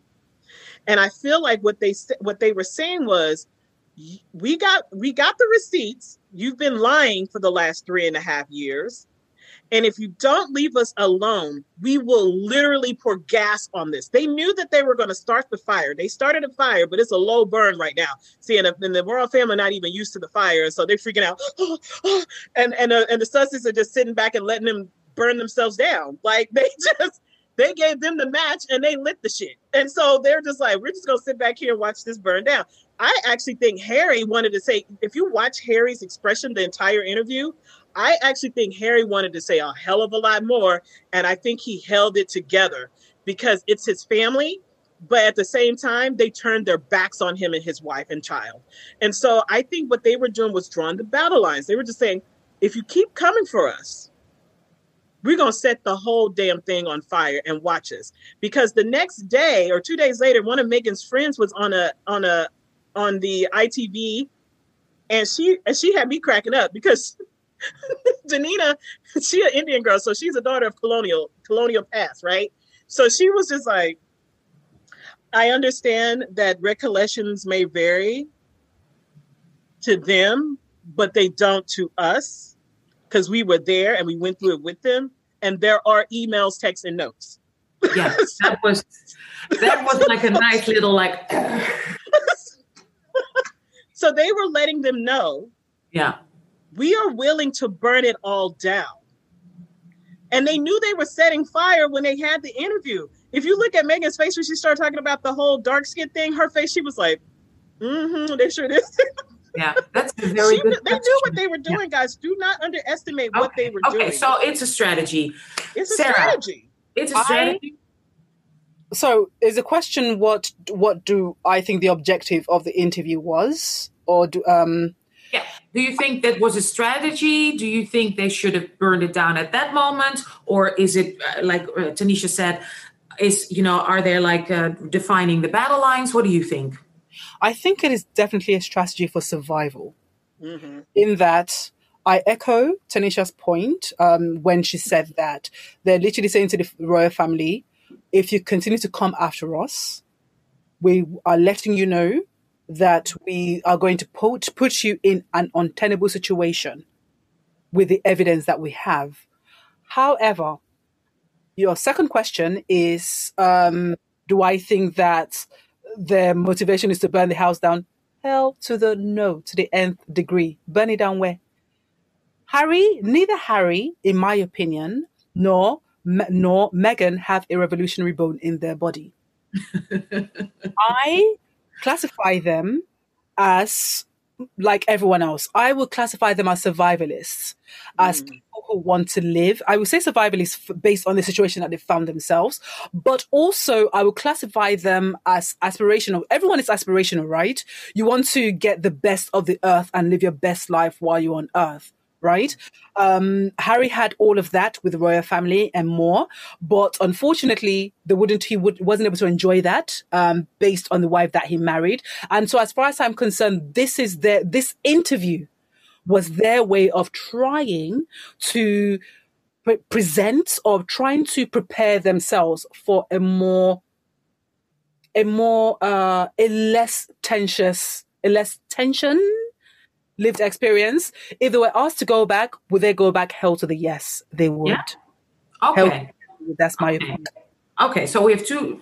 Okay, so you don't think, and Tanisha, right? Again, just to reiterate, you don't think they'll go back. Tanisha is like, girl, I thought I liked you. I don't like you no more. no, I love you. And I get that. I get what you're saying. And I'm gonna tell you something. The next day after that interview, I felt the same way. But then when I really started to to look at what was being said, I watched the interview three times and then all the other extra clips that were released the next day because to me i like i'm a i'm i'm a i i like to i like to observe uh Alicia, let's be honest behavior. you're sold out to the Sussexes. You're like, nah, I'm gonna, I'm just gonna watch no, it. Because listen, I will call them out. I would listen. I will call them out. I, I personally believe meghan should not have been so kind to Catherine. I'm gonna call her Catherine. so gullible. She shouldn't have been so gullible. She shouldn't have been so naive. You right. studied international relations, girl. Right. She shouldn't have been ah. so naive. But again, I really believe it was because she was in love and she was she was blinded by that love. And that's the other thing that we have to learn from this situation. People like you were saying, Sarah, earlier. When you're going into these relationships, because see, I've been there too, where I dated the white guy and I was blinded by love, and then I was yes. like, "Oh, this this this dude is actually racist." you know what I mean? Because I was, you know, be strategic at everything you do, sweet peas. You gotta be. And and she is normal. Yeah, let's go to the future. So what can sorry, we tell? yeah, yeah, Sarah. So go on. I was saying sorry. We're like talking, talking, talking. No, no, I love it, but I just want to go because you know, let's. Okay, so what is our conclusion, and what do we tell our younger sisters? And then I have like a um, a very personal question. You don't have to answer, but I will try to ask it. Okay, so okay in conclusion, what ha- what are we as a society? What can we learn from this? Can we go anywhere, or do we just have to? You know, this is a system, and we just have to keep on surviving. And what do we say to everybody? You know, the lessons we want people to learn. Who wants okay. to go first? I'll go ahead and do it because Sarah's. I feel Sarah is way more intelligent. So we let's end on her intelligence, okay? Um, two things. One like I said before, Audre Lorde, you cannot tear down the you cannot tear down the system from within. Um, I don't want this conversation to be just about racism or racism as it is overtly, because there was a lot of covert, underhanded uh, mm, examples or uh, I don't know the word I'm looking for right now. It's there in my brain. I can't remember. Um, of how racism actually functions and works. And like I said, white supremacy, what what it does is uh, how it functions is it separates you from your identity. Right? Hold on. I'm gonna give you the I'm gonna give you the full quote of how yes. I how I how I, I I this is what I said. White supremacy separates you from your identity, right? Then it slowly kills you. Okay, so it separates you from your identity, it isolates you, right? It strips you of your protection, and then it kills you. That's what it does. And so we have to be aware of how that comes about, how it presents itself. Um, but also, the me, what I like is how do we separate ourselves from the system completely? I don't believe that we have to operate within the system. That's just me. And then the last thing is when you're going into a situation, and I'm talking to my ladies because that's who I tend to focus on. When you are going into a situation, go in it with your eyes open, always. Don't ever be naive. There is no excuse for you to be in your 30s and naive although i was in her situation in my 30s at the same age by the way. Mm. so I, I, I and i understand it and i understand that we believe that love conquers all but as we see here love does not. And we need to extend this this conversation wider and to understand that in the black community specifically just because someone is white presenting does not does not save them from white supremacy period. That's that.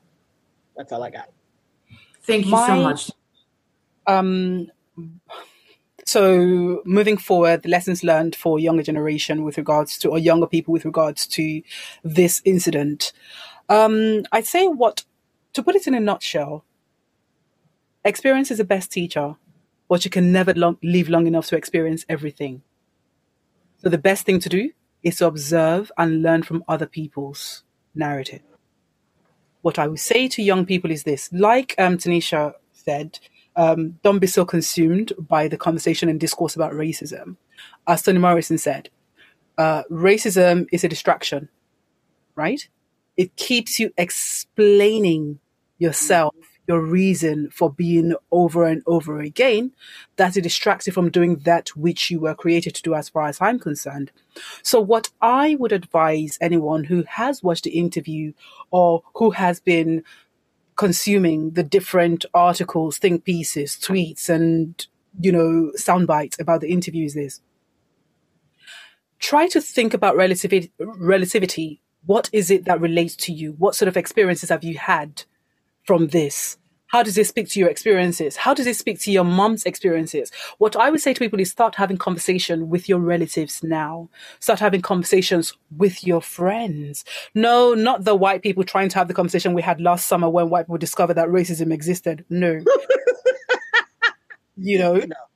But I mean, I, I for me, this is true. It extends beyond um, racism, but it's also um, I, I, want us to focus on the woman to woman violence, right? The woman to woman. Mm-hmm.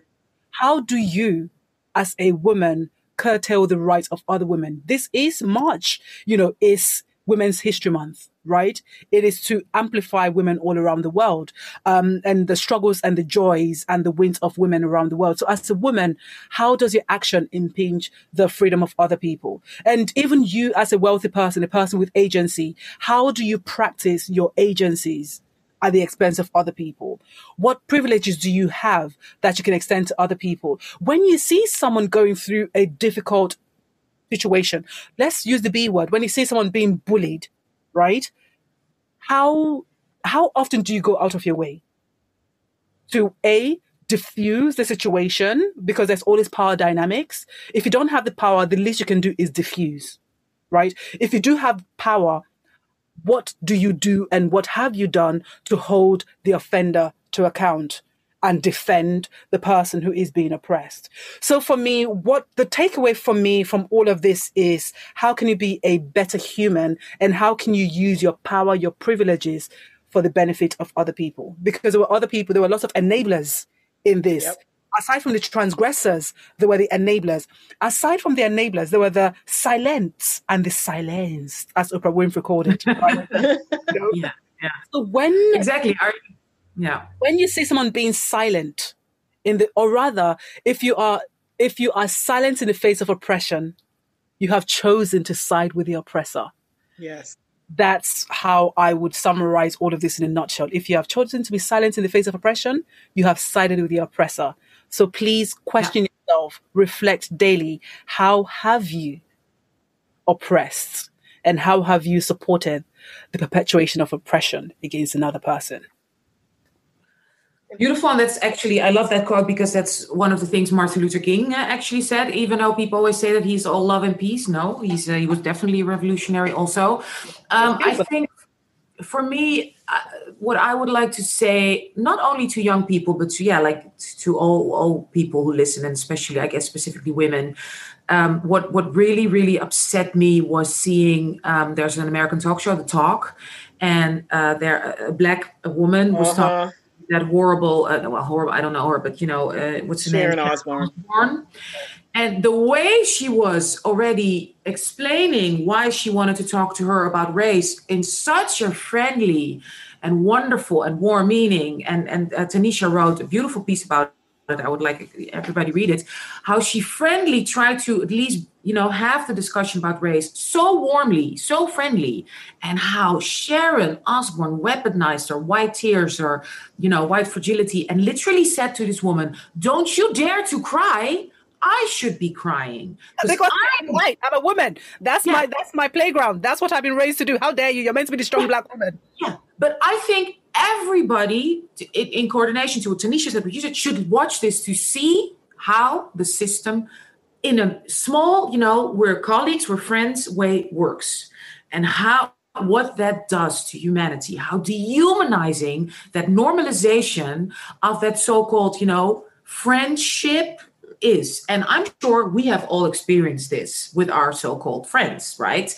And I that just it it, it I really want us black women to be able to stand in our anger, to be able to stand in our power.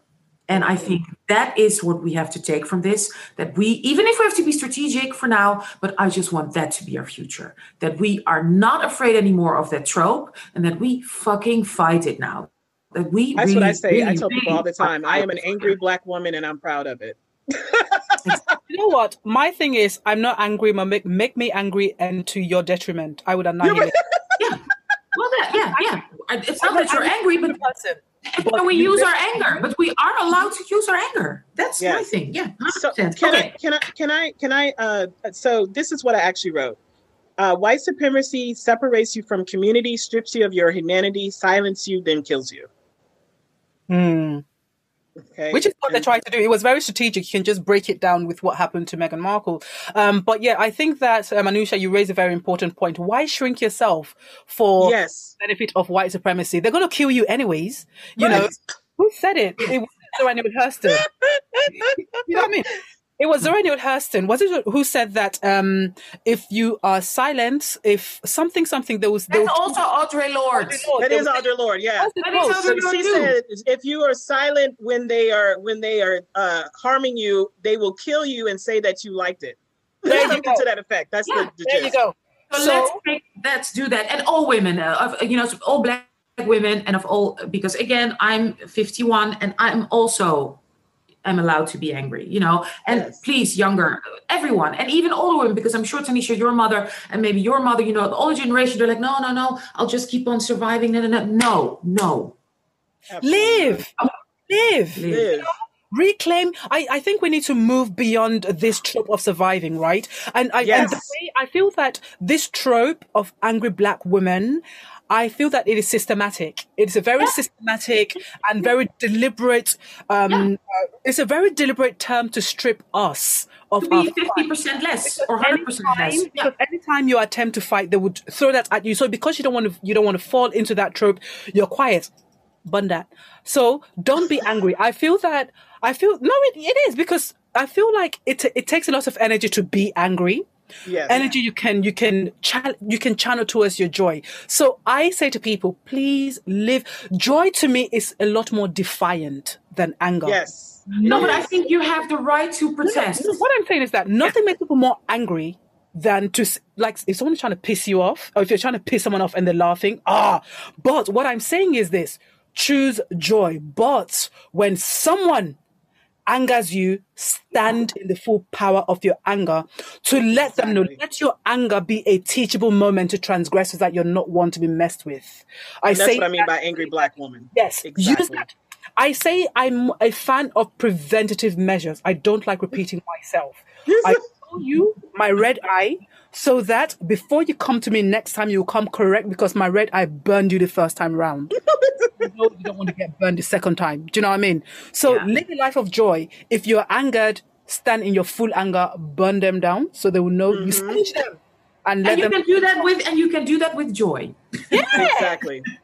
Okay, so to end our wonderful conversation, and I think we should do this again with, with every topic. I would love to do that every day. We always end um, uh, Dipsaus, our regular uh, episodes with, you know, who would you like to dance, drink, or dip sauce with? But I just want you to, um, uh, I want to pose it a little bit differently. I have said this even to my own husband, uh, to my own partner. You know what? You're the last white person I'm ever having sex with. If something happens to you or if we break up or something I, I don't ever i don't think i can ever have sex again with a white person or be you know? And i just want to ask you that question where are you standing with a, a white person? Can you see yourself being in like emotion ha- having a dip sauce relationship you know what we're doing talking texting you know being intimate with a white person? Can you do that? Do you want to do that You want me to say controversial shit, don't you? Uh, You don't have to answer, but if you want to answer, please as a black American woman, and I'm sorry, I'm sure you've noticed this, Anusha. Um, and this is a general, okay? I'm not saying this is all black men, but a shit ton of black men in America hate black women. And that has been my experience uh, with all men, to be honest. Uh, It's not just white men. I had to deal with the racist white dude, and I've had to deal with a very mis- many misogynistic black men that are violent and white men that are violent. Um, so for me, I am open to wherever love takes me, but that person will have to be aware. That person would have to be my ally if they're not black. Well, if they are black, they got to be my ally because I expect black men to be my ally too, right? They have to protect me. Um, you know, so I don't I don't see it that way. Like I personally, I used to be like I really want to be married to a black man and love on a black man, but every time I was in a relationship, they were always telling me to be 50% less. And so my heart is I want to be open to wherever love takes me. Um, if that's a white man, he gonna have to come to correct. You know, I'm. You know, there, there's there's gonna be a white tax on him from my end. Like he can't come in being white, if you get what I mean. Um, He's- he's you got- know what I'm saying? He can't It's like he's got to be he's got to be fifty percent less white. That's what I always tell my husband. Yeah. you know, so And you just know, want to be so inclusive. Same goes for a female partner. We're just talking partners, so I'm not. Right. Yeah, yeah, yeah. Right. Yeah. So that's how I am. Uh, you know, like I was telling um Anusha, like I plan on leaving the United States, and I wanted to go to Africa, but I don't like the heat. So I don't like the heat. You So I want to be in a place. I, I, am I honest? And I'm on. I, I want to be in a place that lets me be close to Africa, but not in Western European society where anti-blackness is rampant. So I'm looking into a place that's in the middle somewhere. I know I'm going to face anti-blackness wherever I go, but I'm looking for a place where I don't have to constantly deal with it every day. Um, and that's how you know that's where I'm getting my joy, and I'm privileged enough to be able to do that. So yes, I am open to love in whatever form it comes. Where in. love takes you, but Yeah. you have your conditions. So I have my conditions. I am of the opinion that patriarchy perpetuates the hatred of women, full stop. Regardless of the nationality, the race of the man that you meet to be in a relationship with, there is an inherent hatred of women, whether overt or covert, in the way that racism is nuanced. Um, you know, masochism, misogyny is nuanced as well, in that we even coined a term for the hatred of black women, you know. So there are, you know, um, I, I'm of the opinion that, you know, racism has birthed a different hatred for black women, you know, be it amongst white men or black women. I'm heterosexual, so I'm going to be referencing um, the other gender. In white men, it is exemplified in the exotification of black Mhm. and in some black men not i would say in some in some black men it is um it is uh um yeah it is manifested in the exaltation of white women or lighter skinned women with regards to your question about who um, and whether I choose, I would choose to be with a white man. No, my friends have um, joked that I give off the vibe of someone that can be with that's of someone who should be with a white man. First of all, what is that vibe? And Father Lord, discard it from my life. I don't want it. Um, and so, and my friend is like, oh no, because I'm a Christian. So my friends are like, oh, Sarah, man, God has got such a sense of humor. And my friends are like, you know, the husband I married, I was not attracted, and Nigerian me is coming out now with the accent, you know, I, I wasn't attracted to my husband at first, but look, he's now the love of my life. And I'm like, well, I don't want that. And I always say, and people say, oh, God has got a sense of humor. But I'm like, I've got to be in on the joke for the joke to be funny. you know? Ah, Oh. You know what I mean? And I'm also because I feel that these are ways in which religions are used to manipulate women Yes. into conforming to things that they don't want to conform to, especially insofar as marriage is concerned. mm. And I also say to people who are like, God has got a sense of humor. I'm like, yeah, but God created me the way I am. He knows my sensibilities. He knows why um, I am triggered by certain things. He knows why I have certain, um, I lean towards certain liberation, right? So why would you, why would the same God who is all loving or benevolent, why would he put me in a situation where I'm going to have to keep trying to, um, I, I feel that I, I'm going to have to keep trying to justify my existence, even though the, the man is as accommodating as possible, as loving as possible. You will have a racist uncle, a racist grandmother I want to thump, but I'm not a violent person. So why would God want me to thump an old woman when he asks us to respect our elders? Do you know what I mean? So God, if you don't want me to sin, don't, don't put me in a place where I have to sin. Do you know what I mean? Because I want to go to heaven. So you, God, don't mess with me seeing you at the end of my life. Do you know what I mean? So, so that's my position. Um, I'm, I'm. it's not my first choice. I know. Tanisha's like, what? Because I feel you. I think the exact same way as you, girl. You know? She's just very, you know, positive American. American always, you know, the glass is half full. So she No. will go where love takes you. Oh, no. and yeah. No, the glass is either is either full or it's empty. Don't give me no hand. You're either out. Get out. You know. And also, I think I think there's a certain privilege that I enjoy in that I don't have relatives who are breathing down my neck to get married or breathing down my Right. neck to be in a relationship. So I have full autonomy and the quality of life I'm living now. And I once again, if this is meant to be like a teachable conversation for other people, I would say that you can't, if you are not satisfied with the quality of life you are living, you can't expect another person to improve on the quality of life you have. Likewise, if you are super satisfied with your current quality of life, the partner, whoever you choose to be with, must not diminish your joy yes. And your existence. So I am of the opinion that whoever you choose to be with should be, should, there should, it should be your joy overflowing, your existing joy overflowing. That is what you reach out for, regardless of who you choose to engage with, even in a relationship. That's me my friends, if I can call you that, I will call you that. Thank you so very, very much. It was such a wonderful, incredible conversation. I'm so happy.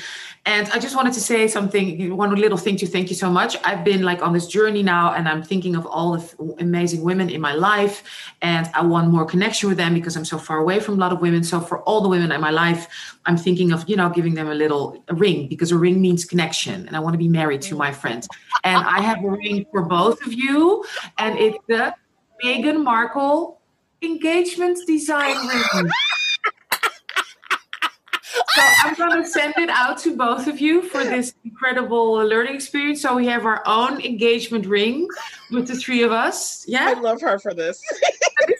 Alyssa told me on the podcast, she mentioned that she's got a ring from you and that all the Dipsaus ladies are married. And I cracks up. Who knew? Who knew?